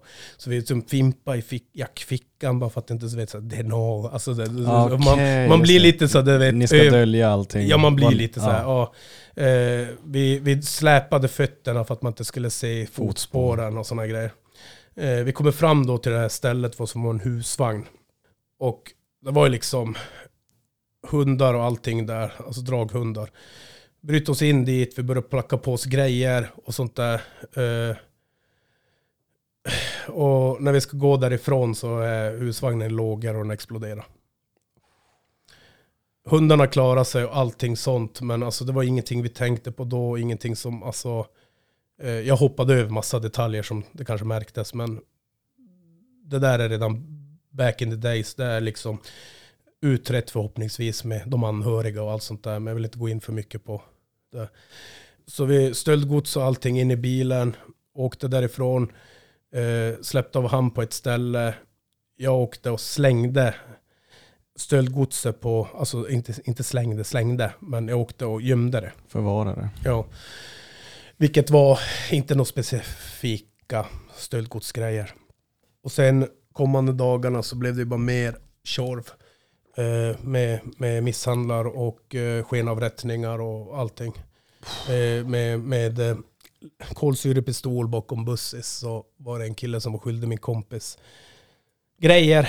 Och, och det blev typ en skenavrättning där och det var så här Eh, jag vet, alltså ja, som jag sa från början, jag, jag, jag ångrar ju ingenting, men jag ångrar ju det jag utsatt andra för. Mm. Alltså jag, jag, är glad att jag är den jag är idag. Men just den där, alltså jag tror det var, jag tror det var en eller två veckors period som det var liksom hela tiden. Och det var ju alltså, polisen kom hem till mig, knackade på min dörr. Jag var i fylla med min kusin. Och jag kollade i kikhålet, jag såg att det var polisen. Tänkte shit, de öppnade brevlådan, vi gömde undan skorna, allting så här. Eh, de åkte därifrån. Jag tänkte, jag tänkte inte mer på det. Min kusin och jag, jag tror vi fan, jo, det var, fan, det var en lördag. Så vi satt och började kröka igen. Eh, och han var mycket yngre än mig, min kusin. Så, så hör vi då att det knackar igen. Så jag går i sovrumsfönstret och kollar, då står det två alltså, polisbussar ute. Så kollar jag, då står det fyra poliser i trappuppgången. Jag tror jag skymtade en femte där nere. Shit, vad i helvete. Och då hör jag hur de snackar någonting. Man får ta typ låsmed eller Securitas eller någonting. Snackar de så här. Tänkte, shit alltså vad fan är det? Och så började jag ju bara komma på allting som har hänt, alltså den här en, två veckorna innan. Tänkte, Jävla skit. Så att då ser jag hur polisen åker därifrån och jag tänkte att nu åkte de iväg och lämnar någon i trappuppgången. Eh, Så jag och min kusin hoppar ut utan skor, balkongen, och springer ner till grannen. In till grannen och sitter och dricker kaffe som ingenting har hänt. Och ber henne köra upp oss till, till sporthallen. För att vi skulle dit och kolla, det var ju så här Lucia Cup handboll tror jag. Eller någonting. Alltså det var ju bara bästa möjliga sättet att komma dit. Mm. Bara det att vi hade inga skor. Mm. Och tidsuppfattningen tror jag inte var den bästa. För att vi hade ju bara varit där en kvart och skulle gå tillbaka och hämta skorna. Så vi knallar in och, och stänger balkongdörren och ska ta skorna. Då knackar det på dörren igen. Då står ju polisen där igen med Securitas Mm. och ropar i brevlådan. Och när jag hör hur de börjar lirka med nycklarna och det, fan jag fick sån jävla panik. Så lill- lillkusinen min tog ett tag och kastade in i garderoben i sovrummet. Smällde igen garderoben och sa tyst, tyst. Jag la mig under täcket, lägger mig där och låtsas sova. Polisen ruschar in och, och, och, och tar mig då i sängen. Och de bara, du ska med oss och sånt där. Jag bara, men får jag klä på mig? Jag hade ju snabbt som fan tagit om mjukisbyxorna och låg bara med kalling och t-shirt. Ja men ta på dig det, alltså att du ska med oss här. Ja men, ja, blev jag lite orolig så jag tänkte, helvete nu? Alltså, misstänkte ju redan vad som skulle komma skall. Eh, men jag hade inga som helst koll på att det skulle bli så som det blev. Mm. Eh, när vi ska smälla igen dörren. Eh, så jag smäller igen dörren och ska låsa. Då hör jag bara puff, rasar det där inne i lägenheten. Eh, så jag bara fan, ja, rasande jävla hyllan igen och sånt där sa jag. Så gick vi därifrån och efteråt så fick jag ju berättat om min kusin att samma veva jag smällde igen dörren, då rasade hyllan i garderoben han satt på. Så han var i garderoben. Just det, så han satt på den. Han satt på den så han rasade där inne och du vet polisen tog iväg mig. Eh, han blev kvar i min lägenhet inlåst. Alltså, ja, han kunde ju låsa upp den givetvis. Eh, jag minns inte vad som hände med han eller någonting. Men jag tror hans mamma, han ringde sin morsa eller någonting. Hon hämtade han och hon fick väl reda på att polisen hade tagit mig. Vilket fall, min morsa fick reda, min farsa fick reda, alla fick reda liksom. Och så hamnade jag då eh, i anhållningscell eh, i väntan på rättegång och det blev så här eh, kaos. Alltså riktigt kaos eh, i den jävla anhållningscellen. Så men var, vart du häktad liksom häktad? Eller bara anhållen 72 timmar? Eh, anhållen Ja. inför eh, häktesförhandling. Okej, okej. ja. Ja, och du vet, de bara matade eh, förhörs, alltså förhör, förhör, förhör med mig. Och eh, jag var så jävla grön. Alltså jag var så grön, jag hade ju liksom bara misshandlat folk liksom. Men det här var ju så successivt och så mycket som hade hänt. Och i den här händelsen så var det ju, som jag nämnde tidigare, att jag höll på att ha ihjäl en kille. Eh, alltså det var där också en så här eh, historia liksom. Det var, vi kommer två stycken ner till Kurra. De är sex stycken mot oss. Och jag och min kompis bara tok mat och slag, sparkar alltihop och misshandlar typ alla. Och sen åker vi därifrån liksom. Och, men den här killen liksom som, som jag var arg på, som, som det anledningen till att vi åker ner, alltså det gick riktigt illa för honom. Och eh, han tänker på än idag liksom då och då att fy fan, en barndomskompis till mig och det gick som det gjorde. Och, ehm, eh, alltså ja, jag tror ändå att vid rättegången sen som jag ska komma till, tror jag ändå att vi fick lite så här eh, någorlunda okejande. Att vi, det är okej ändå. Vi, vi vill kanske inte ha med varandra att göra eller någonting sånt. Det, det är förståeligt. Men jag tänker väldigt mycket på honom att fan alltså där hade man kunnat ha ihjäl någon. För att det var liksom, det var, det gick så överstyrande och de detaljerna och allt det där det lämnade jag utanför men det var kaos. Så, så jag satt ju även för det. Och, och det var ju alltså misshandel, gro, eller grov misshandel, eh, mordbrand, vad fan var det, grov olaga hot, alltså det var allting. Jag till och med för mig att jag alltså, hamnade i, i kläm med min tremänning och min farfar liksom och, och mordhotade dem. Och, alltså det var så, allting var så jävla kaos, det var upp och ner i mitt liv och allting liksom. Och jag tror inte jag var vän med någon av mina föräldrar eller någonting tror jag. Eller morsan, hon, hon, det ska jag säga, morsan har alltid funnits där. Både på, på det hårda och sånt där. Min, min pappa har också alltid funnits där, men han har varit hård och rättvis så. Mm. Men morsan har alltid varit så genomsnäll och alltid funnits där så. Eh, bara att jag och farsan kommer bättre överens i dagsläget än vad jag och min morsa. Men det är på grund av att vi är på olika stadier i livet. Jag älskar min morsa, jag älskar min pappa. Alltså jag älskar hela min familj. Eh, men, men morsan är genomsnäll och världens godaste så. Men vi är som sagt olika. Mm. Hur som haver så åker jag in då till eh, anhållen och de pressar på som fan för de visste ju om att jag inte suttit där och jag var så jävla grön på det där. Och jag fick, alltså det var så jävla konstigt för att hela min familj och mina kompisar var ju inte heller liksom vana med det här. Så att de skickade, alltså bara, det hade gått ett dygn eller två eller något där, så hade de skickat alltså, ett papper.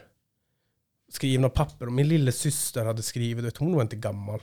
Typ att, ja, och, och, och styvfarsan hade skrivit och bästa kompisen hade skrivit. Alltså det var så här, och, och, och den där tjejen som var med till Piteå som, som jag nämnde att de är döda. Hon hade ju skrivit, så det pappret har jag faktiskt kvar än idag. Eh, som jag brukar läsa ibland bara för att, just för att inte hon finns. Så, så blev min, alltså min, för att hon hade skrivit så fina ord till mig där. Att de ville ju liksom att jag skulle ta tag i mitt liv nu och, och, och vända på det för att jag hade ingen livsglädje. Alltså det var ju så jävla, Eh, jag, jag, jag kan nämna att jag har alltid haft bekräftelsebehov tror jag. Som har sårat mig själv, det har sårat min familj, det har sårat mina flickvänner genom tiderna på olika sätt. Och jag har alltid sökt bekräftelse, bekräftelse att jag är duktig, jag duger till någonting. Det är även ibland i dag, dagsläget på jobbet. Men det som har gjort det så mycket bättre, det är ju att jag har kunnat acceptera att jag är bra som jag är. Och det har gjort att jag har till min far bra relation idag på grund av att jag har inte liksom det här att jag ska bekräfta för honom hela tiden. För det hade jag när jag var yngre. Väldigt, väldigt mycket. Och när det kommer till tjejer, du vet, då ska man ha bekräftelse att man är snygg och så här. Och när det kommer till kompisar så ska man ha bekräftelse att man eh, är tokig, slåss, respekt. Allt sånt där har ju avtagit helt för att jag är bra som jag är i dagsläget. Så jag satt ju i alla fall där, fick de här breven igen, eh, då när jag var anhållen och, och det var så jävla tungt. Mitt i allt så hör jag en bråkig person komma in i andra häktescellen och det visar sig, det är också lite bara rolig sido, sidogrej. Eh, då var det en kompis till mig som jag också härjade med. Så vi stod och skrek till varandra och pratade och allting. Sen blev ju han skickad i alla fall till, till, till, till häktet eller någonting. Och där och då hade jag ingen att prata med. Alltså det var ju så här tyst. Så jag fick ju tid att rannsaka mig själv. Och jag skrev tre sidor bara, allt jag hade i huvudet. Du vet, hiphoppare skriver texter. Så här. Det var lite, du vet, på den tiden var det Eminem, 50 Cent, allt så. Mm. Jag skrev ner alla mina tankar liksom. Och det var mycket på grund av att men man hade ju sett lite gangsterfilmer och jag tror 8 Mile hade kommit. Alltså det var så här, ja. Eh, men jag skrev ner bara liksom, bara för att rensa. För att jag för mig någonstans att det var något sånt. Så jag skrev bara ner, det var inte att jag skrev någon raptext eller något. Jag bara skrev ner alla mina tankar på ett papper. Om hur, hur, hur jag ville göra med allt. De där pappren är också kvar någonstans. Och, ja. Men min räddning där och då, det var då att spela hockey. Nummer fyra har han haft på ryggen, back. Hans morfar blev min räddning.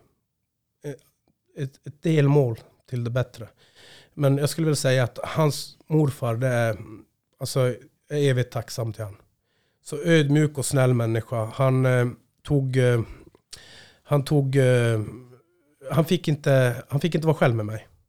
Men han sket i det. Han öppnade upp, han gick ut och rökte med mig. Eh, fast han inte fick vara ensam med mig. Pratade vett med mig, bara så allmänt förstod mig. Eh, pratade med mig som, alltså, som att vi var jämnåriga. Och det sjuka är, han fick så jävla mycket skit. För att Gällivare polisen kommer ju då och då till Kiruna. Och de skällde ju arslet av honom för att han hade celldörren öppen så jag fick kolla tv med han.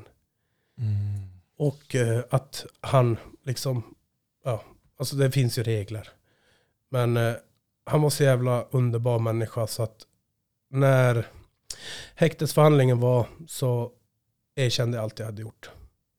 Försökte att, alltså nu som sagt är det ju som det är. Men jag har för mig att jag inte nämnde någonting om någon annan och bara stod rakryggad. Där var det delade åsikter om det när man var yngre. Om att, man, att jag kallade dit någon eller vad fan det var. Mm. Skitsamma, det är som det är. Jag stod i alla fall rakryggad och berättade vad jag gjorde. Stod för det jag gjorde. Därav tror jag att jag slapp häktesförhandling. Eller slapp häktet. Eh, de insåg då att jag inte liksom eh, kunde göra någon åtverkan på något mer. Precis, för det jag tänker är ändå det är ganska grova brott. Det här måste ju vara, om jag får gissa, så det är ju några år på kåken det måste handla om. Om du skulle bli fälld för allting. Jo, jo, alltså jo. Jo, det hade det nog varit. Alltså jag har ingen koll, jag har inte den sak, rak, saker så. Mm. Men eh, det jag blev dömd till senare, det visade ju sig att det hade ju kunnat vara ett tag. Och då när jag fortsatte bara så blev jag ju släppt. Mm. Fick det här liksom komma hem. Fick höra om en på Nordnytt. Mm. Fick höra liksom på P4 och sånt. Eh, om vad man har gjort och allt sånt här jävla skit. Där och då så var ju inte det där coolt. Det var inte, man kände sig så jävla lite. Man kände sig så jävla men, alltså. Men hade man backat, hade det där hänt liksom. Hade det hänt någon annan under den tiden så hade det ju varit respekt. Det hade ju varit, fan vilken hård så. Mm. Men för en själv i det läget så mådde man bara piss och tyckte att det här var ju inte någonting som man strävade efter. Då backar vi, kör vi på lite mer. Eh, det är ju lugnt. Eh, dricker ingenting. Framöver så kommer ju då rättegången. Eh, det var ganska påtryckt faktiskt. Det var ju mm, alltså Nordnytt och, eller alltså det var ju någon jävla radio. Alltså så här, jag har ju varit mycket på rättegången men det har aldrig varit så mycket folk som det var då. Mm. Eh, jag tror det var tre dagars rättegång eller någonting. Mm. Samma där. Jag stod rakryggad för allt jag hade gjort. Bad om ursäkt i rättegången för alla jag hade orsakat. Men under tiden mellan häktet, när jag blev släppt från häktesförhandlingen till eh, rättegången. Hur lång tid var det ungefär? alltså jag, Någon månad min- eller? Alltså, jag- ja, jag, alltså är det... Säger jag sex månader till ett år så ljuger jag i alla fall inte. Okej. Men alltså jag, tidsuppfattningen där just nu är ju lika med noll. Ja. Det, det har, man mådde så jävla pissa Mm. efter det där så jag har inte koll. Det enda jag fokuserade på det var att jag tog kontakt med en advokat Mm. och eh, pratade med henne hur jag skulle göra med allting och sådana grejer. För att eh, stöldgodset från husvagnen hade ju de skrivit en fantasilista. Mm. Att det var tv och allting, vilket det inte var. Och jag hade Mm. kvar allt stöldgods Mm. som jag gav till min advokat som la fram det på rättegångsdagen. Sen det andra var ju det att vi fick ju den här mordbranden till att vara grov skadegörelse istället. För att det var ingen brevlåda. Så du kan inte få post. Då det räknas inte som bostad. Plus att det inte var någon sophämtning. Då räknas det inte som en bo bostad. Och därav så blir det grov skadegörelse istället för mordbrand. Så då blir det en helt annan straffgrad. Men vi klarades undan någorlunda milt där. Jag släpptes, släpptes efter rättegången. Vad får Eller- du för straff? Får jag bara flika in med det? Vad får Jo, du det- för det straff? kommer. Okej, okej, kommer. förlåt. Mm. Ja. Eh, Så jag knallade ut från rättegången. Och då hade jag ungefär över 300 000 tror jag skadestånd. Mm. Eh, 280 eller 380 eller något, jag minns inte exakt. Det var en stor summa skadestånd. Sen eh, tog jag då, eh, fick ju någon samhällstjänst, minns inte hur många, men det var en jävla massa timmar. Eh, och jag tror jag även eh, social, eh, vad fan heter de, kriminalvården, jag skulle gå dit på så här behandlingsskit. KBTQ, nej vad fan heter det? KBT? KBT. Och det, den behandlingen fick jag veta sen när jag gick att det är ju fan fullt med företagare som till och med betalar 25 000 för att gå den. Och jag blev dömd till den. Och i dagsläget liksom han jag hade på kriminalvården från Gällivare fick jag ju träffa några gånger efteråt också. För att det blev ju mer grejer efteråt. Men han var ju också en sån här människa som, som fastnade för mig. KBT-behandlingen var ju så jävla starkt givande på mig så att det är den som har hjälpt mig i dagsläget tror jag. Mm. Mycket. Sen eh, efteråt så eh, slog jag sönder min, min, min eh, vet du nu, mammas nya killes hus med slägga eh, också. Men och då blev jag dömd till någonting som heter, fan heter one-to-one. Mot kriminalitet och skit. Och då var det samma kille. Men det, det är en annan sak. Men då backar vi i alla fall.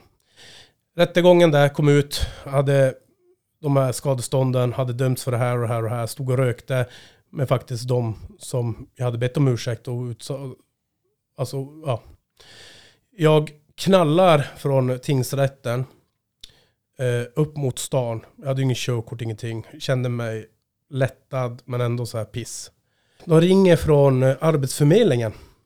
När jag kommer runt eh, kurvan eh, vid Intersport har varit Mm. i Kiruna där. Och säga att jag kom in på lastbilsutbildningen i Gällivare. Eh, och jag hade nyss varit på rättegång och spelat lite teater så jag var lite varm i kläderna. Så att jag spelade ju teater till de på Arbetsförmedlingen och sa att ja, eh, ja när, när behöver ni besked? Att, alltså, när, när, eh, när behöver ni ett besked från mig? För jag hade ju inget körkort, jag, hade inte, jag vill inte säga det. Det här var en torsdag och måndag behövde de besked. Så jag, men jag får återkomma på måndag. Ja men gör det annars så går platsen till någon annan. Shit, jag sumpade en till chans. Knallade upp på Bishop, beställde en öl, drack en öl. Tog en till. Tänkte vad fan ska jag göra? Tog två till öl in samtidigt. Drack lite grann från den tredje ölen då. Och hade en, en och en halv typ framför mig. Då ringer eh, okänt nummer på mobilen. Jag tänkte, fan är det nu då? Förknippade alltid med polisen på den tiden.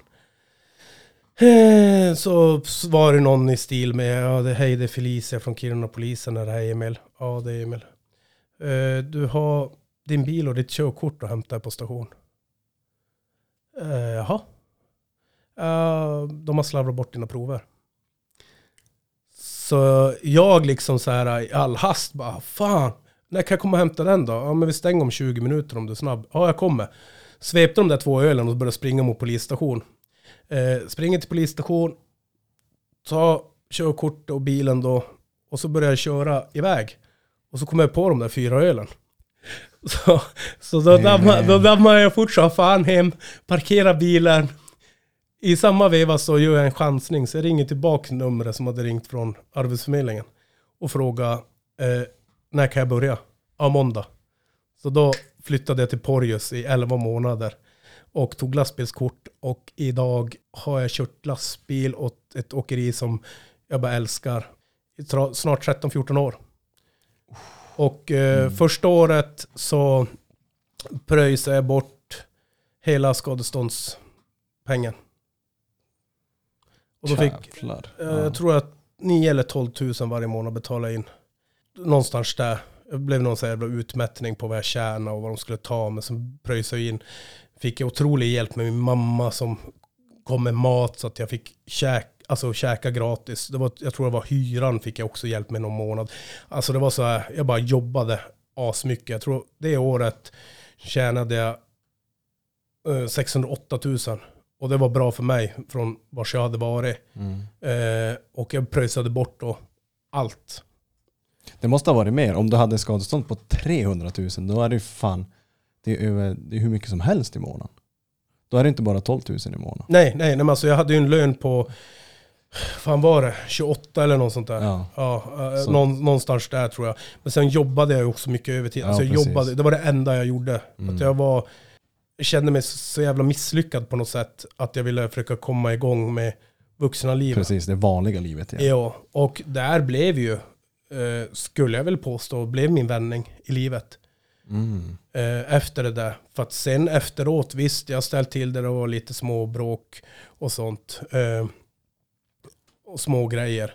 Men det är liksom då jag lämnade det här eh, lite tyngre, fjant, fjantiga, tyngre, vad ska jag säga, Mm. omogna beteendet som jag hade. Eh, Typ det här med att åka, åka runt och skrämma folk eller typ på det. Ja, i, i dagsläget så, eller i dagsläget ska jag väl inte säga, men efter rättegången och sånt så blev det mer att jag, jag har aldrig varit en sån som tjafsar. Mm. Alltså knuffa och, och sånt. Jag, jag orkar inte. Börjar någon tjafsa eller knuffa med mig, då smäller det. Mm. Och sen går jag därifrån. Så har jag alltid typ varit. Men nu har jag ju som, jag gis inte hålla på och tjafsa. Alltså skriver någon hot-sms eller skriver någon sånt där. Jag blir så förbannad så jag vet inte vad jag ska göra. Händer det idag att du får hot-sms? Ja, bara för några veckor sedan. Okej. Ja. Så det, det, det händer ju hela tiden. eh, Alltså så. Men sen har man, ju- man man kan ha sig själv att skylla i vissa fall. vissa fall inte. Men det är att det jag har det största problemet med. Det är att falla, alltså hålla mig borta från eh, jag är så rädd att hamna i gamla mönster. Alltså att jag ska, jag menar jag har barn och jag har familj. Jag, jag är nöjd med det jag har.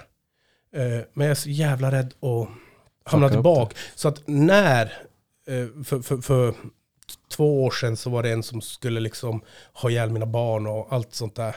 Jag blev så rädd för mig själv. Jag var inte rädd för hoten jag fick, jag blev mer rädd för Vad kan du vad- vad- vad- åstadkomma? jo, för att, för att det är ändå så grovt det som var då. Så att Det är ganska sjukt att hota någons barn. Jo, så att jag gjorde faktiskt så att jag hörde av, alltså jag åkte hem till min, min pappa och hans fru. Och bara la korten på bordet och frågade vad ska jag göra? För att jag är på väg liksom att göra Mm. någonting som jag kanske kan ångra. Precis. Och då fick jag hjälp av dem. Mm. Och, och det, blev, det, det gick ändå så här. Det var inte liksom jag ville att det skulle bli eller hända. Eh, men så i efterhand, jag- jag vet inte om det var rätt eller fel. Eller så. Det var, ja. Det blev ingen som blev slagen, det var ingen som blev, alltså så. Men det var Mm. det att jag, jag har ju kommit därifrån att du gör aldrig en polisanmälan. Och det här fallet var första gången som jag gjorde riktigt en polisanmälan mot någon.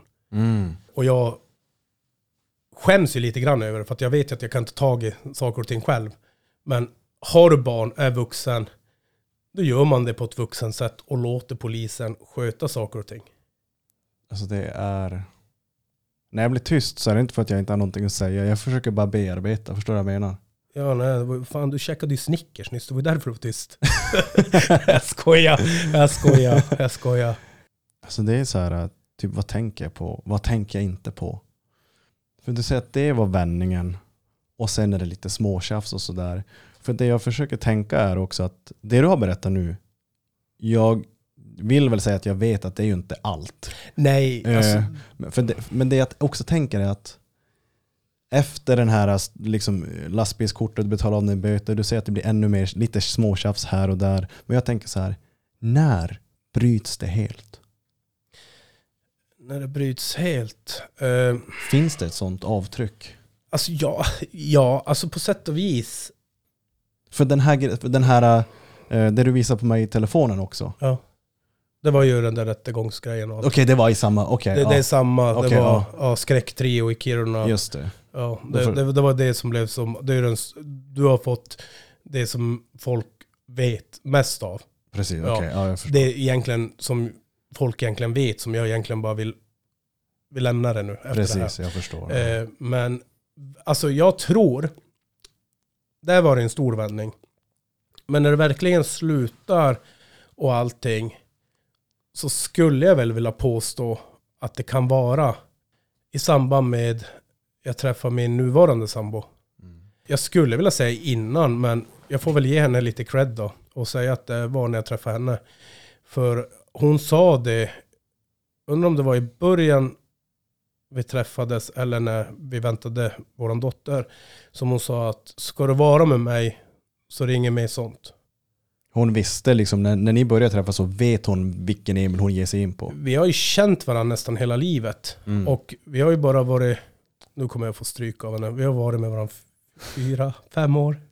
Och har liksom en dotter på tre år och en son på ett år. Så jag menar det gick ju jättefort för oss. Mm. Men vi har ju känt varandra och jag anser ju att hon har varit jag i hennes tjejgrupp.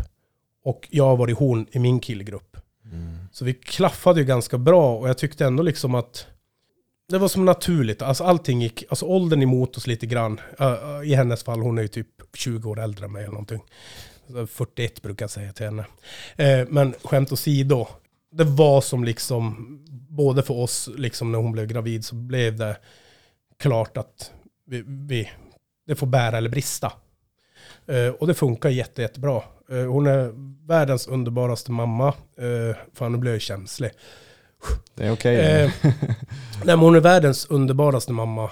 Hon sliter så fruktansvärt mycket. Jag jobbar dygnet runt för deras skull och försöker verkligen göra mitt bästa för att göra det så tryggt och säkert för min familj. Men att balansera det här med familjen och jobb, alltså det...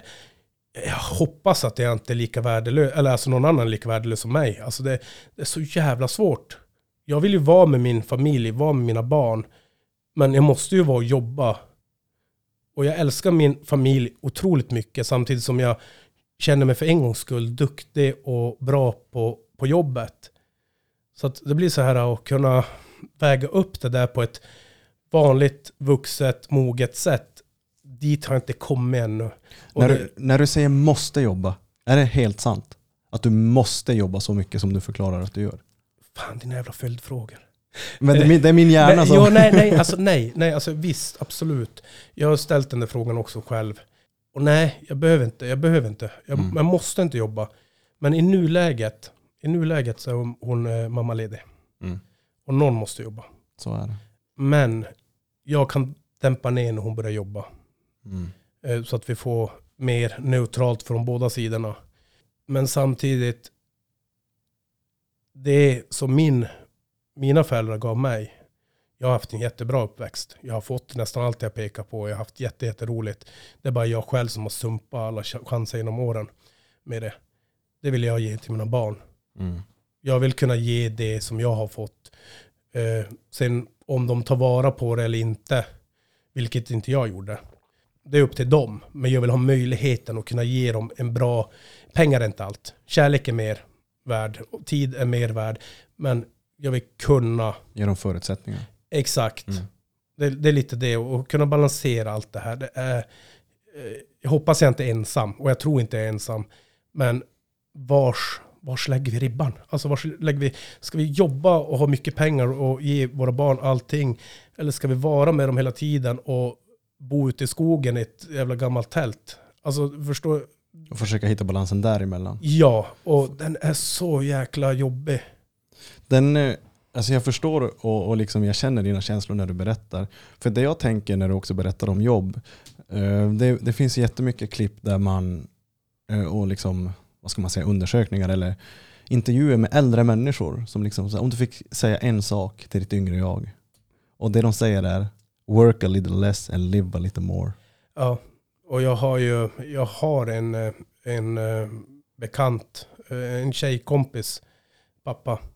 Han sa det att Emil, fan, jobba inte så mycket. Alltså jobba inte så mycket. Det, det, jag ångrar att jag jobbar så mycket. Mm. Att jag missade så mycket med, min, med, med hans barn som är Precis. gemensam kompis till mig och min sambo.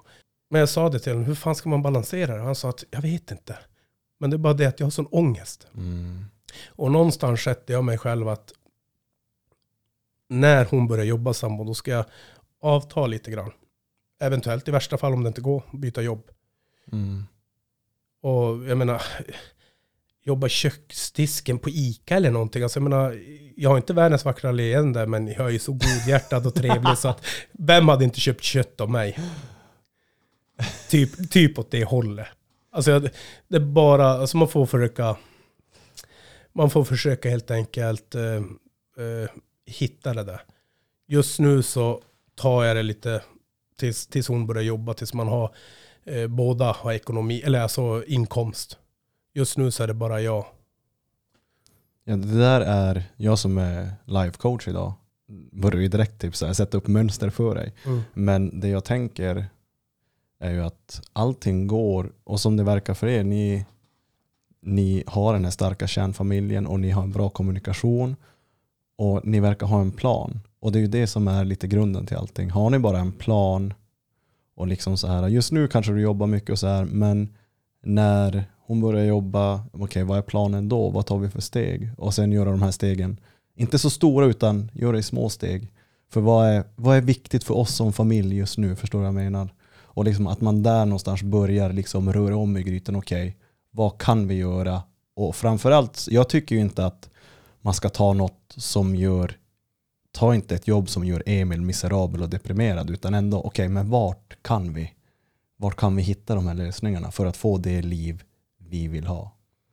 Jag har tänkt mycket på det där. Om det inte hade funkat nu med det jobbet som jag verkligen tycker om. Så spelar det ingen roll. För att jag har Mm. kommit till, till den graden att jag är en jävel på att jobba. Mm. Och jag är jävligt duktig. Ge mig tid så är jag jävligt duktig. Sen att jag har det här maskinella, alltså fordon och sånt där, eh, maskiner och sånt, att jag lär mig väldigt bra och jag anser att jag kanske inte blir bäst på det, men alltså duglig. Mm. Eh, det har jag fått från min far. Och, men även om jag skulle börja jobba som personlig assistent igen, vilket som jag har gjort, eller jobba i köksdisken eller någonting, så tror jag, eller jag vet att jag hade blivit bra. Så bra jag kan, alltså duglig på det. Och jag känner mig inte rädd för att byta jobb om det skulle vara behövas på det graden. Så att där är jag lite open-minded på det. Men vi får se var saker och ting hamnar i framtiden. Och som du fick lite inblick av tidigare, vilket ingen annan egentligen vet, det är att eventuellt på väg Mm. att flytta Precis. från Kiruna. Och det är lite grann podden här. Ta bort lite av det gamla, flytta, börja lite grann på nytt. Eh, men sen samtidigt passa på innan barnen börjar skola. Eh, testa på, våga liksom. Mm. Och därav så blir det antingen att jag jobbar kvar i Kiruna och pendlar. Eller att jag söker nytt jobb. Eller så får man ju se vad som händer. Och ingenting är skrivet i sten att vi ska flytta. Nu kanske det inte blir så bara för att jag nämner det. Men eh, vi är open-minded och vi ser ju liksom vad, vad, vad som händer i framtiden. Det, vi, vi är trygga med vår familj som vi har. Och står inte någonting oss i vägen så kanske vi flyttar eller så kanske vi köper hus i Kiruna. Alltså vi vet inte. Mm. Så länge vi har varandra. Låter klyschigt men det är lite ja, så. men det, det, det kommer vara så i slutändan. Mm. Och, och det jag tänker också nu när du har berättat allt det här, åh, det är så mastigt allting att ta in. Jag, jag får upp så här, um, det, det är mycket jag säger, följdfrågor på. Och dels är det till exempel, vi kan börja med det, till exempel när du nämner att du får hot idag. Mm. Är allting obefogat eller finns det faktiskt en anledning till att du får det? Eller är det bara någon som dras med det här gamla? Nej, alltså senaste tror jag är missförstånd rakt igenom. Eh, Ganska grovt eftersom att det nej, det var inte, nej, det här var det här den nyligaste missförstånd. Ja. Det är bara det, det inte retts ut än. Det, vi får se om det reds ut eller så rinner det ur sanden. På vilket sätt menar du? Eh, nej men alltså, det är det att jag tidigare hade kanske jagat människan i frågan. Konfrontera den människan med ord, slag, ingen aning. I dagsläget så får det rinna ur sanden tills, eller, eller så får jag, när jag träffar killen, så får jag ta upp det och frågasätta, hur tänkte du, vad ville du, var det så här, hur, Mm. hur ska vi göra? Eh, ta det på det sättet. Och så får vi se hur det går. För det är det jag tänker att varför kommer hoten än idag?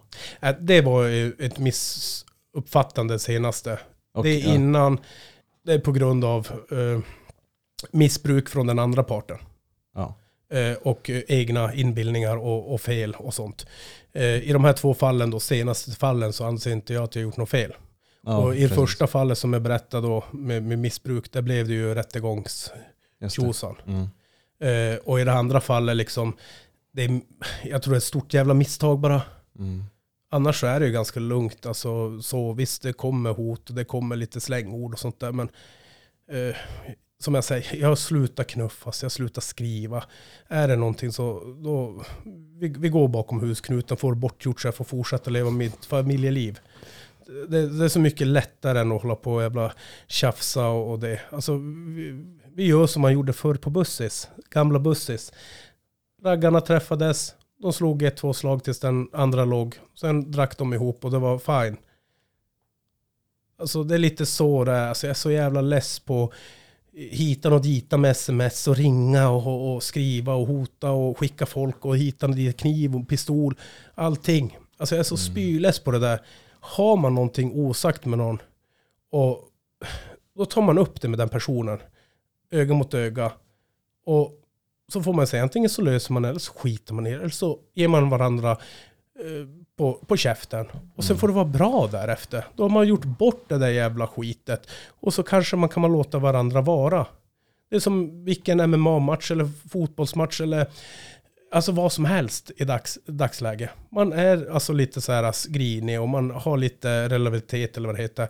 Eh, och sen efteråt så släpps spänningen. Man gillar inte varandra efteråt. Nej, kanske man inte gör, men man snackar inte skit om varandra eller någonting. Man respekterar varandra eller någonting. Alltså förstår du vad jag menar? Mm. Det är väldigt mycket vanligt. Jag är ju MMA, UFC-freak. Alltså jag kollar ju varje helg. Eh, och där är det ju så. Och jag är så jävla imponerad liksom. Du, det är trash talk i början och så vidare. de kanske inte alltid gillar varandra, men de respekterar varandra efteråt och låter varandra vara. Eller Mm. så börjar de tjafsa igen och ge upp igen. Alltså det är så jävla simpelt. Mm. I dagsläget så knallar du på stan och så är det någon som kallar din sambo eller din flickvän eller din kompis hora. Då ska man skjuta den andra på en gång. Mm. Alltså bara för några ord. Det, det är lite sådär, jag känner bara att ja, om jag bi- kan bidra till en bättre värld så, så skiter jag och hota folk. Då slår jag dem på käften först istället. Det, det roliga när vi pratade om just det här, jag vet inte om du såg det. Mike Tyson sa ju en bra grej där de pratade om typ så här nättroll, nätmobbing, näthat. Och då sa han det att eh, varför förekommer det så mycket? Jo det är för att folk har lärt sig att bete sig som skit utan att få en smäll på käften. Mm. Och det är så här, ja. Nej men det är så. ja. Ja. Och det är ju det, jag kollar ju hans serie här på eh, Disney plus eller vad det heter. Mm. Och där, han har ju varit så rakt igenom. Hela sitt liv. Visst lite, eh, alltså, lite skitsnack sådär. Men han har ju ändå backat upp det. Och, alltså direkt. Mm. Det är alla andra som har backat bort. Mm. Eh, men det handlar inte om att du ska ge den första som knuffar eller Nej. säger någonting på käften. Det är inte så jag menar. Men det är bara att jag är så spyles på, på det här som jag har fått uppleva med sms, samtal. Och hålla på och dalta fram och tillbaks tills det exploderar. Precis. Då hoppar jag över det och låter det explodera på en gång. Mm. Så att jag får släppa det sen. Och jag menar, sen, sen, jag menar, sen runt om i världen som det är med skjutningar och hitan och ditan. Det är också så här, alltså det är så jävla fegt. Jag tycker det är så jävla pussy att gå och skjuta någon. Alltså om du slår ihjäl någon med knytnävarna, jag anser att det är inget tillhygge, ingenting. Alltså det, det är så fegt allt annat där och ja, det fin- det finns inte ord, jag är bara irriterad och, och Ja, less på det, det, där. det, alltså jag tycker inte heller man ska typ, jag gillar inte heller att prata om världen hur den ser ut idag. För det är, eh, fan det är en mörk plats vissa gånger.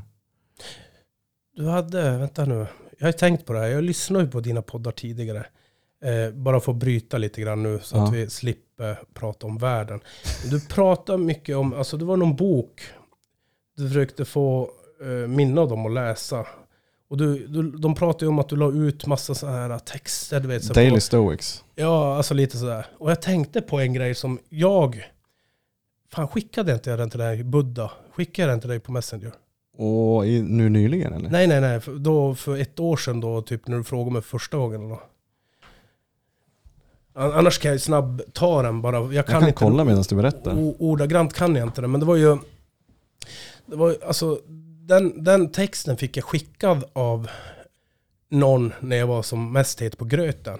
Alltså det var inte text, det var som mer en film. Och det var ju liksom, Buddha eh, gick ju genom en by. Och eh, ja, alltså han var ju, Ingenting. nej, ingenting. Mm. Ja, nu, nu ska jag försöka så gott jag kan eh, återberätta den där texten. Ja. Eh, men Buddha gick genom by och det var ju så här, eh, mitt i byn så kom det en gubbe som var så jävla så arg på Buddha och, och sa så här, vad ger dig rätten till att eh, lära andra och alltså sånt där. Han var jättearg och spydig så här. Och han följde med Buddha hela vägen till slutet av byn och var jättearg på Buddha.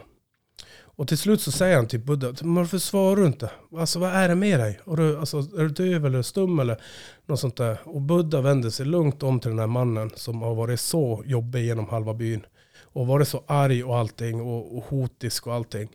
Då vänder Buddha om sig till den här mannen och säger Om du har en gåva och, och jag ger den till dig. Vems är gåvan då? Och mannen svarar Min. Exakt, sa Buddha. Det är samma med din ilska. Om jag tar åt mig din ilska så är det ju min ilska. Men när jag inte tar åt mig dig då är det fortfarande din. Och det där, när jag läste den där grejen så har jag tänkt på det efter den här KBT-grejen. Jag har tänkt så mycket på det. Jag tror att det var till och med han som skickade den, alltså KBT. Mm. Eh, och jag har tänkt på det så jäkla mycket. Alltså den, den är så sann. Och det är lite grann sådär uh, i nuläget att visst, du, som vi pratade om lite tidigare med sms och hit och knuffarna och allt. Om inte jag bryr mig om det där Mm. och så träffar jag den där personen som har hotat mig eller någonting sånt där. Så jag skiter väl i det. Eller så händer det. Alltså, förstår du vad jag menar? Det är så jävla, jag älskar ju sånt där. Jag, för jag är ju lite du vet, jag mediterar och jag läser böcker. Ja. Du målar naglarna också eller?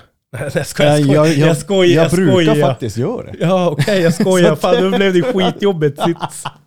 Det blev skitjobbigt sits. Jag har nagellack Ja, nej, jag, för, jag försökte på ett snällt sätt håna det. Skoja bort det lite. Nej men det är okej, för, Mm. det, för det är också till exempel en sån där grej, hade jag säkert haft problem med förut. Mm. Men, men sån här, jag är bara, liksom, det bara rinner av mig som vatten. Mm. Alla såna här grejer, för jag vet ju, till exempel, de, nu har jag inte målade naglar, men när jag har det, alltså det kommer alltid någon kommentar om det. Från, ja inte av tjejer, en tjejer säger oftast vad fina naglar du har. Men killar är det, varför målar du naglarna? Alltså jag är så van med att alltså, alla i dagsläget målar. Det, Mm. var ju, det här är bara, om nu vi ska gå in på det, så är ju det bara en vanlig alltså, uh, hån, skämt-grej. Jag, jag förstår Jo, ju jo. Mm. Men, men eh, i dagens samhälle så är det ju lite tröttande på Ja. sätt och vis. ja. Men det är bara en sån vanlig, alltså jag är född 88. Så Jag, jag vi- förstår ju det, jag är ju nästan där också, har varit Ja. med i den eran. Där man, du vet, jag blev ju kallad bög i nian för jag hade vax i håret. mm, Så att jag kommer ju också, jag är som, jag förstår ju grejer men alltså det är så här, just nu är det bara, jag bara, alltså, jag bara målar naglarna. Typ så här, för hur det började var det att när Mary, min dotter, hon, hon, när hon målar sina naglar och så hon bara, men pappa kan jag måla dina naglar? Bara, ja, jag har en dotter, varför kan inte jag göra dottergrejer? Mm, jag önskade mig alltid en dotter. Alltså jag fick ju en dotter nu, Ja. första. Jag har alltid velat ha en dotter för att uh, mjuka upp mig själv. Eh, bli så här typ, jag hade ju långt hår till axlarna tidigare. Eh, hon skulle kunna typ göra hästsvans eller måla mina naglar. Alltså vet, släppa den manlighetsgrejen och Mm. bli lite mer åt det mjukare hållet. Mm. Därför har jag alltid velat ha en dotter. Och jag Mm. fick en dotter. Det var bara synd att hon är mer man än vad fan jag är. Alltså hon är så hård och tuff. Alltså det hon är helt crazy. Det är, jag önskar att hon kunde vara lite mer flickig så, men det kanske kommer. Vi får se. Ja, precis. Så det är bara grejen att, alltså vad fan, livet är, för det som får mig, det jag har kommit in nu på senare dagar är att det här kan låta jättespirituellt och psykotiskt för dig, men det är det att något jag alltid refererar till är universum, Emil. Och liksom hur betydelselösa vi är just här i hela universum. För universum är liksom, det är Big Bang, det är dinosaurier har funnits, det är steroider på jorden. Alltså, det bara smäller där ute. Det är stjärnor som slocknar, solen är hur varm som helst. Och så, här. och så kommer vi här och tror att vi ska bara, nu ska vi bry oss. Och bara, universum är så stort. Alltså förstår du, att åka till Mars tar ett halvår i en raket. Alltså det är så här, vi är bara en plutt, en liten myra ute i det stora universum. Och det är så här, vi kommer alla en gång dö. Det kommer bli svart. Det är det absolut mest garanterade grejen här i livet. Vi kommer dö. Och vi kom, det kommer bli svart. Jag tror att det blir svart. Vissa tror att vi lever vidare. Men det kommer bli svart. Ingen kommer bry sig. Ingen kommer ligga och tänka på dödsbädden när de är 80. Fan, Emil, 20 år, vilken jävla gangster. Utan man kommer bara ligga och tänka på livet man har haft. Och då är det så här att det är det enda vi får innan vi dör. Vilket liv levde vi? Så varför ska jag sitta här och bry mig? Förstår Mm. du vad jag menar? Alltså liksom, Ja, men det är alltså, som, som du pratar och säger, liksom, att det är ju, visst har man ju haft, alltså, nu är jag ju intresserad och, och tänker liksom beyond det här. precis. Ja. Eh, och jag menar, jag har ju liksom, min pappas frus, eh, vet du, pappa var ju, alltså Kalles morfar, Mm. var ju liksom professor och hade liksom Just det. stenkoll på Just. sånt där som, som, som, och jag menar, när jag har hört han prata och när jag har hört alltså, lite snack om honom, så blir jag ju intresserad Mm. och kollar upp lite grann och sånt där. Och visst, jag är ju väldigt intresserad, alltså jag är intresserad av det där. Men det är så mycket så jag tappar intresse, alltså intresset. Precis. För att jag begriper mig inte på om jag ska börja läsa. Mm. Eh, för att äh, alltså, du måste liksom, ska du hålla på och läsa och sånt där, du måste antingen vara väldigt insatt eller väldigt, väldigt smart. Och jag är bara en vanlig alltså, knegare typ. Alltså jag, håll dig på jorden Emil, sväva inte iväg, kolla två steg framför. Det är typ så jag funkar. Mm. Ta varje dag som det kommer. Börjar jag sväva iväg för mycket, då börjar jag ju komma tillbaka till mitt gamla liv. För att där svävade jag. Där visste jag inte vem jag var. Ah, okej. Där försökte jag hitta mig själv. Och det är det jag gör nu. Så att Mm. där har ju du och jag kanske lite olika. Jag har ju verkligen hittat mig själv Mm. och vill inte sväva iväg för mycket. Mm. Medan du kanske hittar dig själv för länge sedan och vill utforska. Ja, Kan vara, kan jag, vara. jag tror att det, är jag som, det som får mig drivande är så här. Jag, för jag tror att jag vill bilda min egen tolkning av vad är livet? Det är en ganska stor fråga Emil. Mm, mm. Och, och det är så här, det är upp till var och en.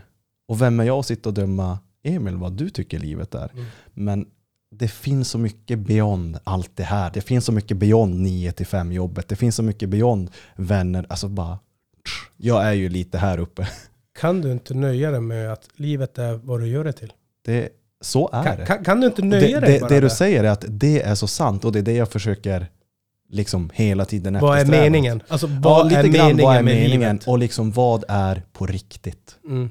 Lite, lite grann, du hör ju att jag är ju lite, Jo, jo. Du är Lite- lite uppe vid molnen och, och, och, och, och, och fast känner. samtidigt som jag står här. Jo, jag, jag förstår dig. Mm. Men det är det att om du ska hålla på och söka meningen med livet och Mm. den frågan hela ditt liv, Mm, då kanske du kastar bort ditt liv precis. med att, alltså förstår vad jag menar? Det blir som, jag, det blir som eh, en paddelplan. Den Mm, studsar bara lite här och där. Alltså, det, det är kanske är bättre att du står på din plats mm, och, och surrar iväg din boll istället för att låta bollen studsa omkring. mm. Alltså jag har aldrig spelat paddel, men nu vet jag inte varför den där kommer. ja, Men, men du förstår vad jag menar. absolut. Alltså jag tror lite, börjar man sväva iväg för mycket, då börjar man kanske, Man börjar ibland förlora sig själv kanske.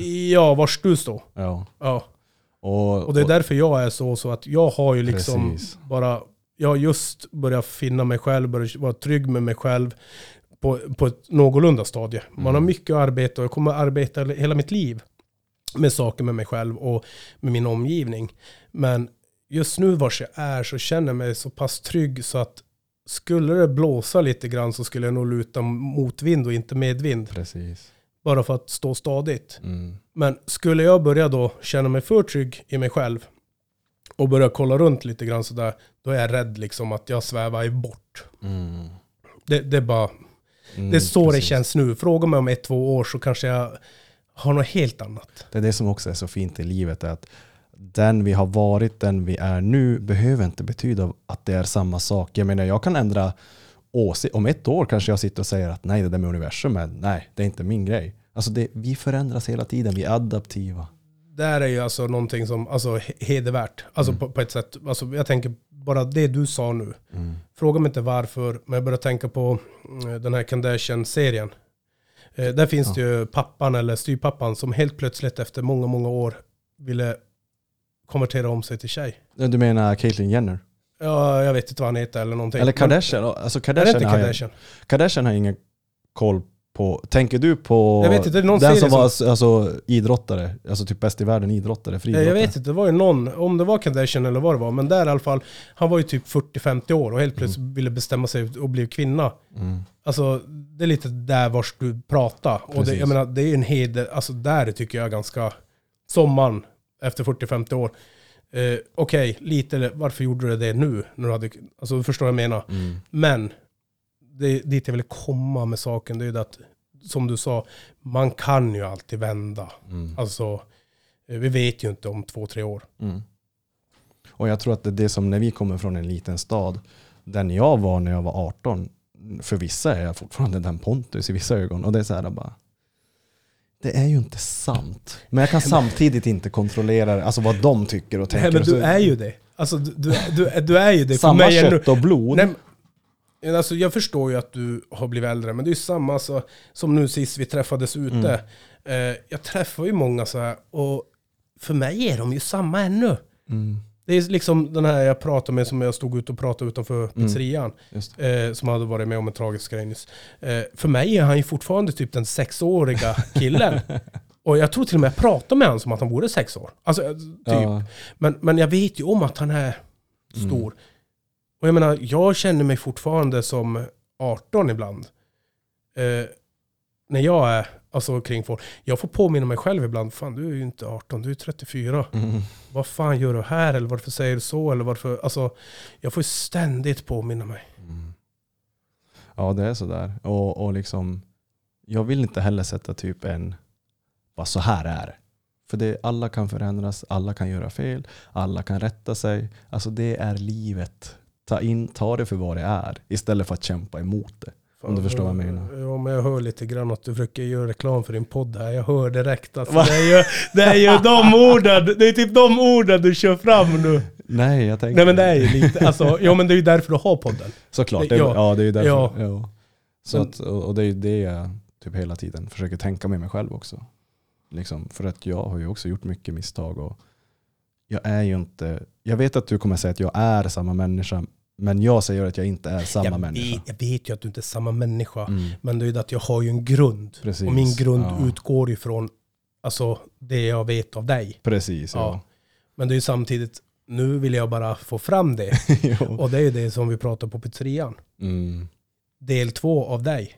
Ja, jo, jag väntar. Det. Jo, jag väntar.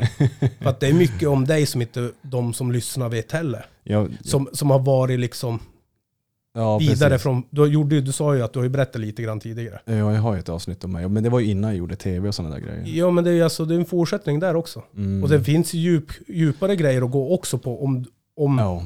Ja. Alltså jag går ju inte helt djup, alltså jag, jag tar inte upp de absolut värsta grejerna.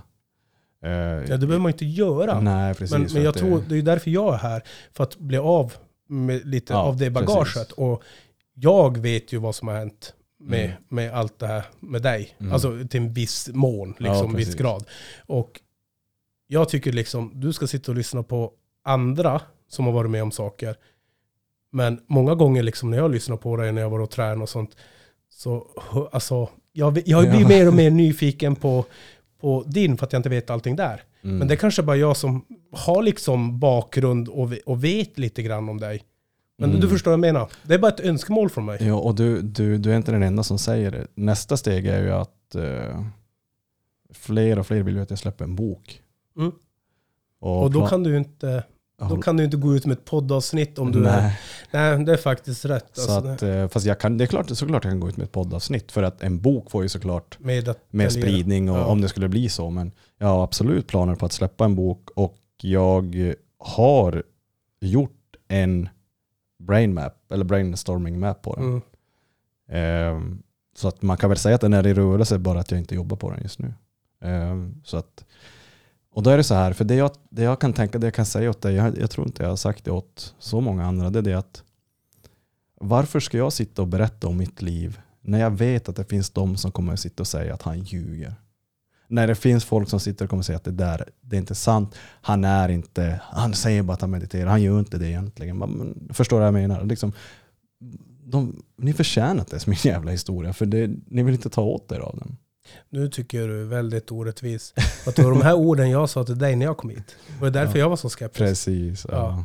Så att du utsätter ju mig för den sitsen som inte du själv... Alltså, Vill typ vara i. Ja, nej, men alltså det är ju lite så. Men det, det är det jag sa innan. Att, eh, och, och jag tror jag nämnde det här också. Att det här är ju hur jag minns saker och ting. Precis. Hur jag bera- berättar saker och ting.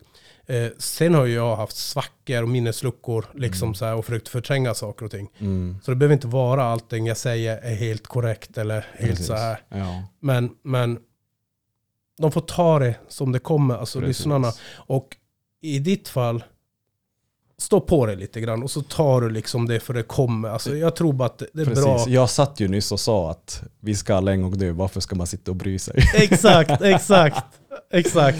Så att det, det Alltså du något- sätter ju bara mer och mer skit. Jag sätter mig själv, nu lämnar Ja. vi, för jag har, en, jag har en, nu har vi ett spår här jag vill hoppa in på. Mm. det är fint att få prata med dig om, om Mm. det här också, för det är, ja, folk förtjänar att få höra, få höra den här sidan av det.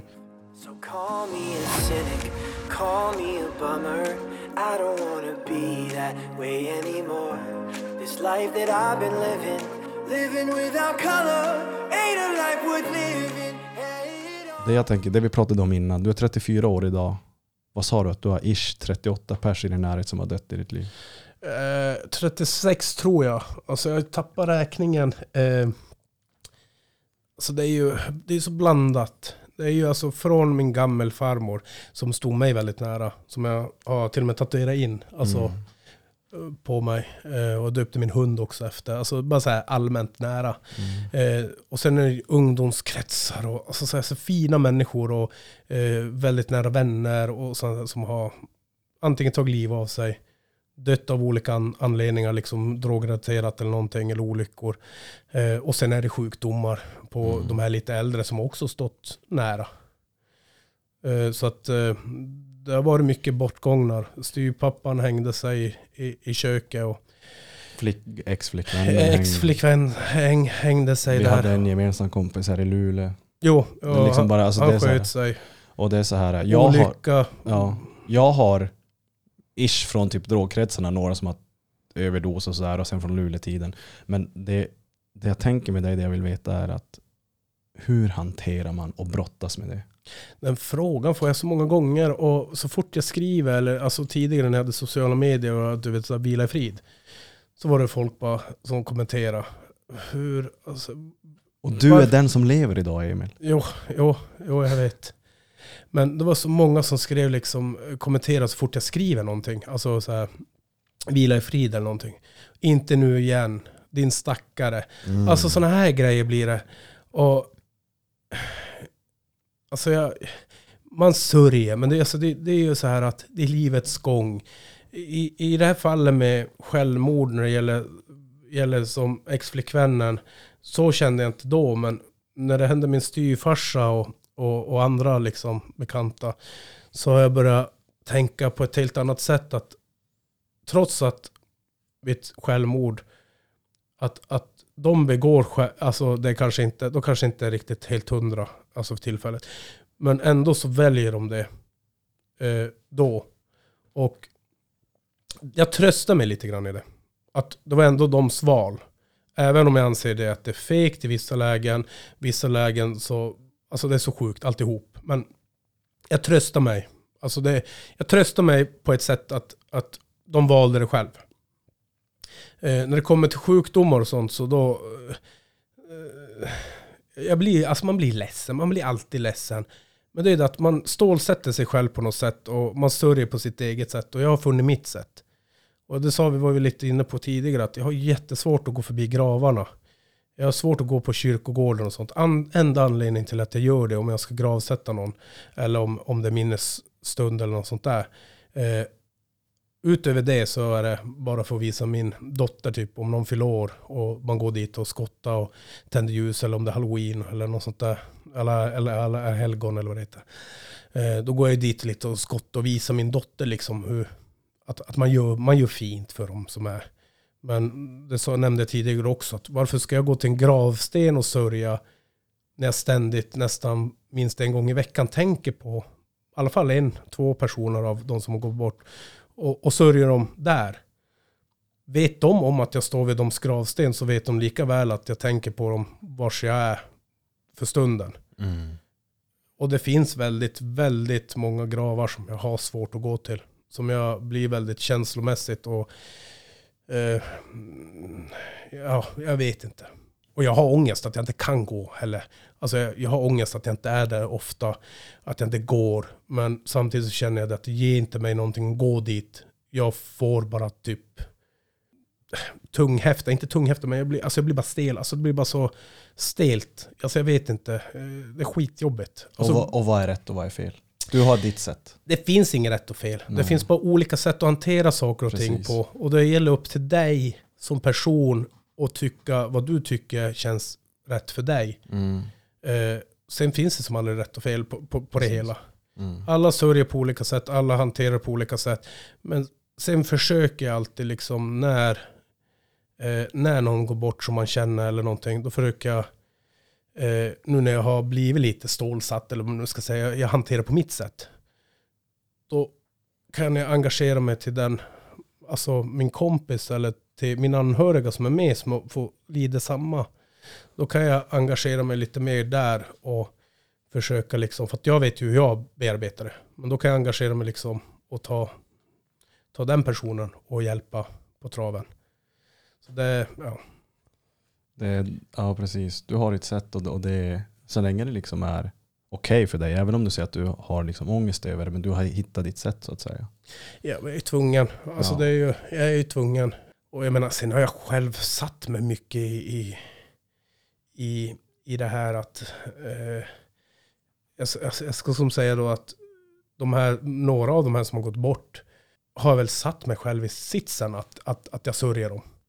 Eh, Att det var en barndomskompis och så kanske jag inte umgås med honom på fem år. Man börjar klandra sig lite. Vad fan, varför Nej, nej, inte klandra. Eller? Det har jag aldrig gjort. Alltså, det gjorde jag ju... Eh, jag gjorde lite grann med styvfarsan där och jag gjorde lite grann med ex-flickvännen på ett sätt och vis. Och Mm. eh, Det är några så här, men det har ju släppt ganska fort. Ja, okej. Men eh, innan vi får sätta punkt för det här samtalet så det jag frågar alla gäster är om du Emil får eh, säga dina tips och tricks i livet, sätta din prägel på allting. Vad vill du säga till allmänheten och lyssnarna då att vi ska ta med oss? Var er själva, tro på er själva, var inte rädd för att göra misstag. Och lev på det sättet ni känner att ni vill leva. Och, alltså för stunden.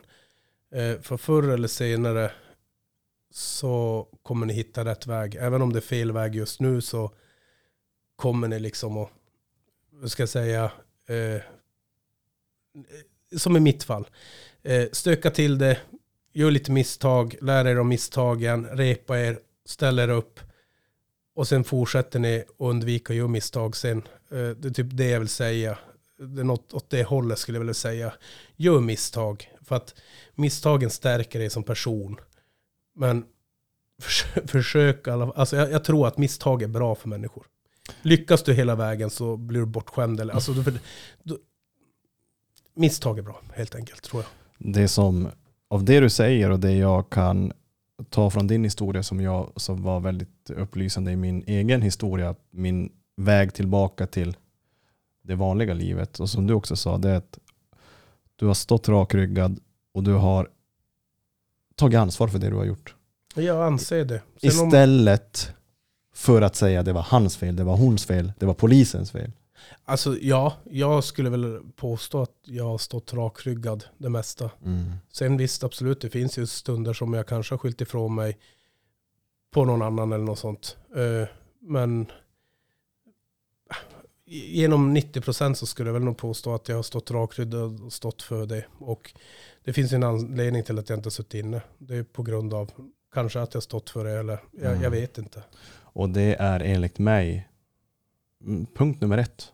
Om man liksom ska ta sig vidare i livet. Anse, eller inse att du har ansvar för ditt eget öde. Och så är det. Ja. Eller i alla fall, ja. Alltså, saker och ting händer. Det händer saker, oförutsägbara grejer hela tiden som man inte hade tänkt och, och sådär.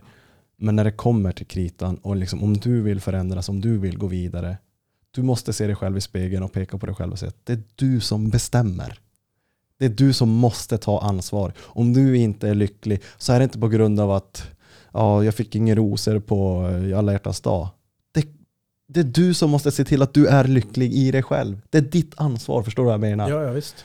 Och det är någonting när jag pratar med klienter också. Du måste våga och vilja ta ansvar. Det, det är du som bestämmer, ingen annan. Och det är så jävla viktigt. Mm, Det är viktigt. Men det, som jag sa tidigare också, att motgångar tror jag är så fruktansvärt viktigt. Absolut. Det är det att, som en jämförelse bara. Du kan ju ta, spara pengar till ett hus och köpa det. Eller så kan du ta den lätta vägen och ta ett lån. Och så vidare. Men skulle du vinna pengar Mm. och, och köpa, förstår du vad jag menar? Ja. Då får du inte den här motgången. För att jag tror folk behöver motgång. Vare sig säga om det är lån Mm. eller motgång med ekonomi. Eller, alltså förstår du vad jag menar? För att en, motgång gör att du kan ha ett mål, sträva efter någonting. Alltså till att inte ha den här motgången. Så små motgångar på olika stadier i livet Mm. stärker dig. Plus att det blir liksom till det bättre. Lärdomar. Mm, ja. Alltså om man... För Men det, det gäller, det gäller att ta misstagen på rätt sätt. Jo, och innan man har lärt sig att ta det på rätt sätt så måste man begå några Ja, misstag. man måste ha varit där. Jo, och det är det jag ville säga med de Ja. orden du frågar mig. Precis. begå misstag, försök sträva framåt. För att förr eller senare så slutar du begå misstag. Jag begår misstag än idag, men inte samma misstag. Nu kan det ju vara något annat. Jag kanske impulsköper någonting. Mm. Det kanske var ett misstag. Eller att jag kanske svänger vänster istället för höger. Och det kanske var ett misstag. Alltså, Mm. det, alla, vi har ju misstag hela tiden i livet. Mm. Och det är bara det att man måste liksom successivt se de här små misstagen och så till slut kan man ju räkna ut dem. Men skulle du ha ett liv utan misstag, eh, då anser jag att det inte är ett liv. Nej, för man är ganska... Man har inte så mycket att stå på egentligen. Alltså när all, när, om livet bara går rakt upp först. Alltså liksom bara att allt bara händer och det är bra allting. Det, det är inte så i livet. Du får ingen lärdom tror jag. Nej. Det, du, det, man kan lära sig en, det har du säkert hört att vissa är skolsmarta och vissa är streetsmarta. Mm. Och det är så här att på gatan, eller om man ska kalla det gatan, själva livet, där lär man sig så ovärderliga grejer så att det är Då sjukt. hoppar jag tillbaka lite grann när du säger så. Jag är ju varken street smart eller skolsmart. Okej. Jag är lat smart. Precis som min, min pappas fru sa. Latsmart. Ja, jag har lärt mig att vara Hitta lat. genvägen. Ja, jag har lärt mig att vara lat smart. Ja. Och när man är lat smart i mitt fall så kan det vara lite impulsiva grejer som Mm. eh, du, du är smart, men du är ju bara en lätt snabb Ja, lösning på det hela. det, Så ja. jag skulle väl påstå att jag är latsmart. Och det är min pappas frus ord som jag omformar, alltså Ja, om, precis. ja, om, om twistar lite grann till mig, till mig själv nu. Mm. Så latsmart skulle jag vilja säga. Helt riktigt. Ja, men det, det behövs inte så mycket mer. Det, Mig efter- själv om fem år. Jag har ju tagit bort den frågan. Har du tagit bort den? Ja, Jaha, okej. typ, jag skulle gissa att det var typ tio avsnitt sen. Okej. För att jag blev så less på den. För Mm. att det var den, genom alla avsnitt, vilka frågor var svårast att svara på? Jo, det var den där sista femårsfrågan. Var det det? Ja, för den hade alla gäster så här bara, eller jag uppfattade det som att folk tänker inte fem år framåt. Nej, men det är ju som jag sa, vi pratade lite om det innan, att jag försöker hålla mig i min bubbla. Mm. Men om jag skulle behöva tänka fem år framöver. Men ta tillbaka frågan då. Nej, du, nej, med Emil så, nu kör vi frågan igen. Ja, ja, ja, exakt. Nej, men om fem år så hoppas jag att det är likadant som det är nu. Mm. Bara det att mina barn har varken skadat sig och att de får vara eh, barn så länge de kan och må så bra de kan. Mm. Sen i mitt fall så hoppas jag att det är samma som det är nu. 5, 10, 20 år. Mm. För att just nu i nuet, det är det bästa hittills i mitt liv. Mm. Med min familj, mitt, mina barn, min relation hitan och ditan. 10-20 år till. Vi, vi tar den, 10 år, 20 år. Jag, jag vill ha så här. Ja men fan, du Jag kör. vill, jag vill ha så här. Det enda jag önskar liksom om fem år eh, och framåt är att mina barn har en bra Mm. hälsa. Inget ont händer dem. Eh, det, det är min lilla bubbla och så långt kan jag sträcka mig och säga fem år. Jag köper det för att med tanke på allt du har berättat och relationen till ditt förflutna tror jag de flesta kan förstå varför du väljer att säga det du säger just nu. Ja, alltså jo. Alltså, nej, men jag är så nöjd. Ja. Alltså, jag är jätte, jättenöjd. Det kan ju vara det här med jobbet som vi pratade om tidigare. Mm. Att eh, jag vill mix, mixtra lite grann och eh, försöka få lite mer tid med barnen. Men eh, annars så, jag är jätte, jättenöjd. Som Mm. det är nu liksom. Det, eh, I love life liksom. Det, det, det, nej, men det är något åt det hållet. Alltså, ja det, precis, eh, välkommen. det är lite motgångar då och då. Och det uppförsbackar. Men that's life. Det är lite så jag känner. Ja. Och jag menar, tar jag bort allt det där och ser vad jag har. Sambo, barn, vänskapskrets. Vi har lite delmål och sånt där. Jag- vill ha det där. Mm. Och jag är nöjd som det är nu. Mm. Sen visst, absolut, jag skulle vilja åka på resor hitan och ditan. Men det är inte det. Det är bara plus i livet. Mm. Det jag har, min lilla bubbla just nu, det är det som ger mig så mycket glädje och mycket energi. Så om fem år så hoppas jag att jag känner samma sak. Mm. Bara det att mina barn har växt i alla fall så jag slipper ha en treåring och ettåring om fem år.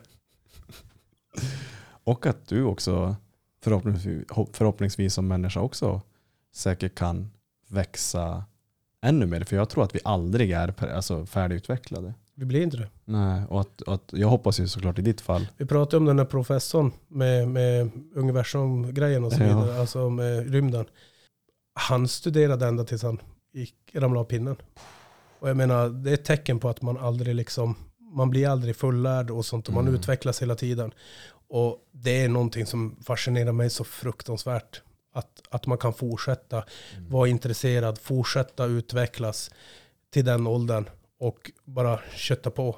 Mm. Det är min pappas moster också, samma där. Alltså det är bara, alltså jag har så mycket i min omgivning som studerar på så hög ålder Mm. och vill bara lära sig.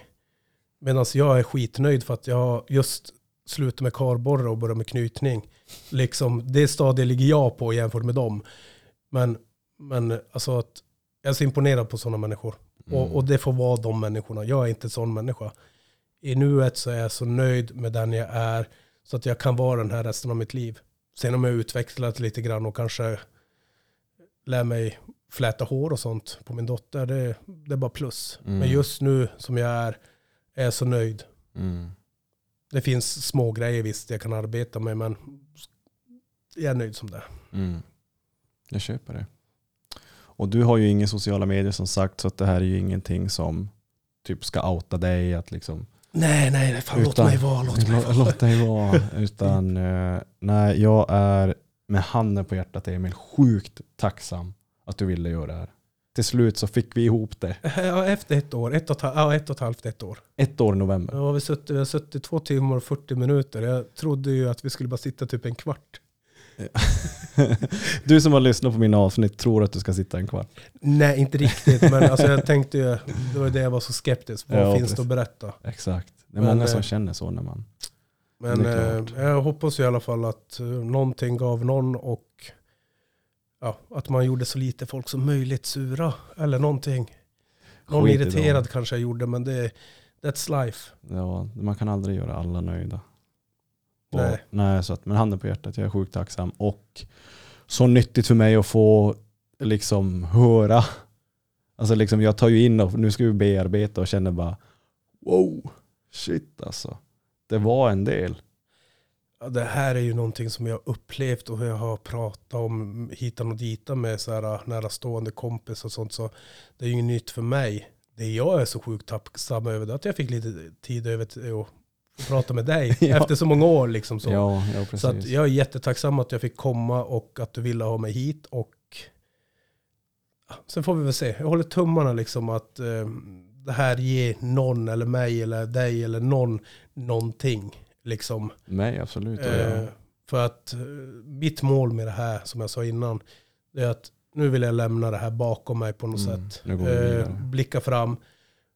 Sen får vi se vad framtiden, hur det bär av. mm. Så att, eh, ja. Det, det var det. Och eh, nu är det kväll. Du ska åka hem. Och vi ska lägga på det här samtalet. Och till er där ute. Ni vet, på återseende, sköt om er. Tja då. Hej.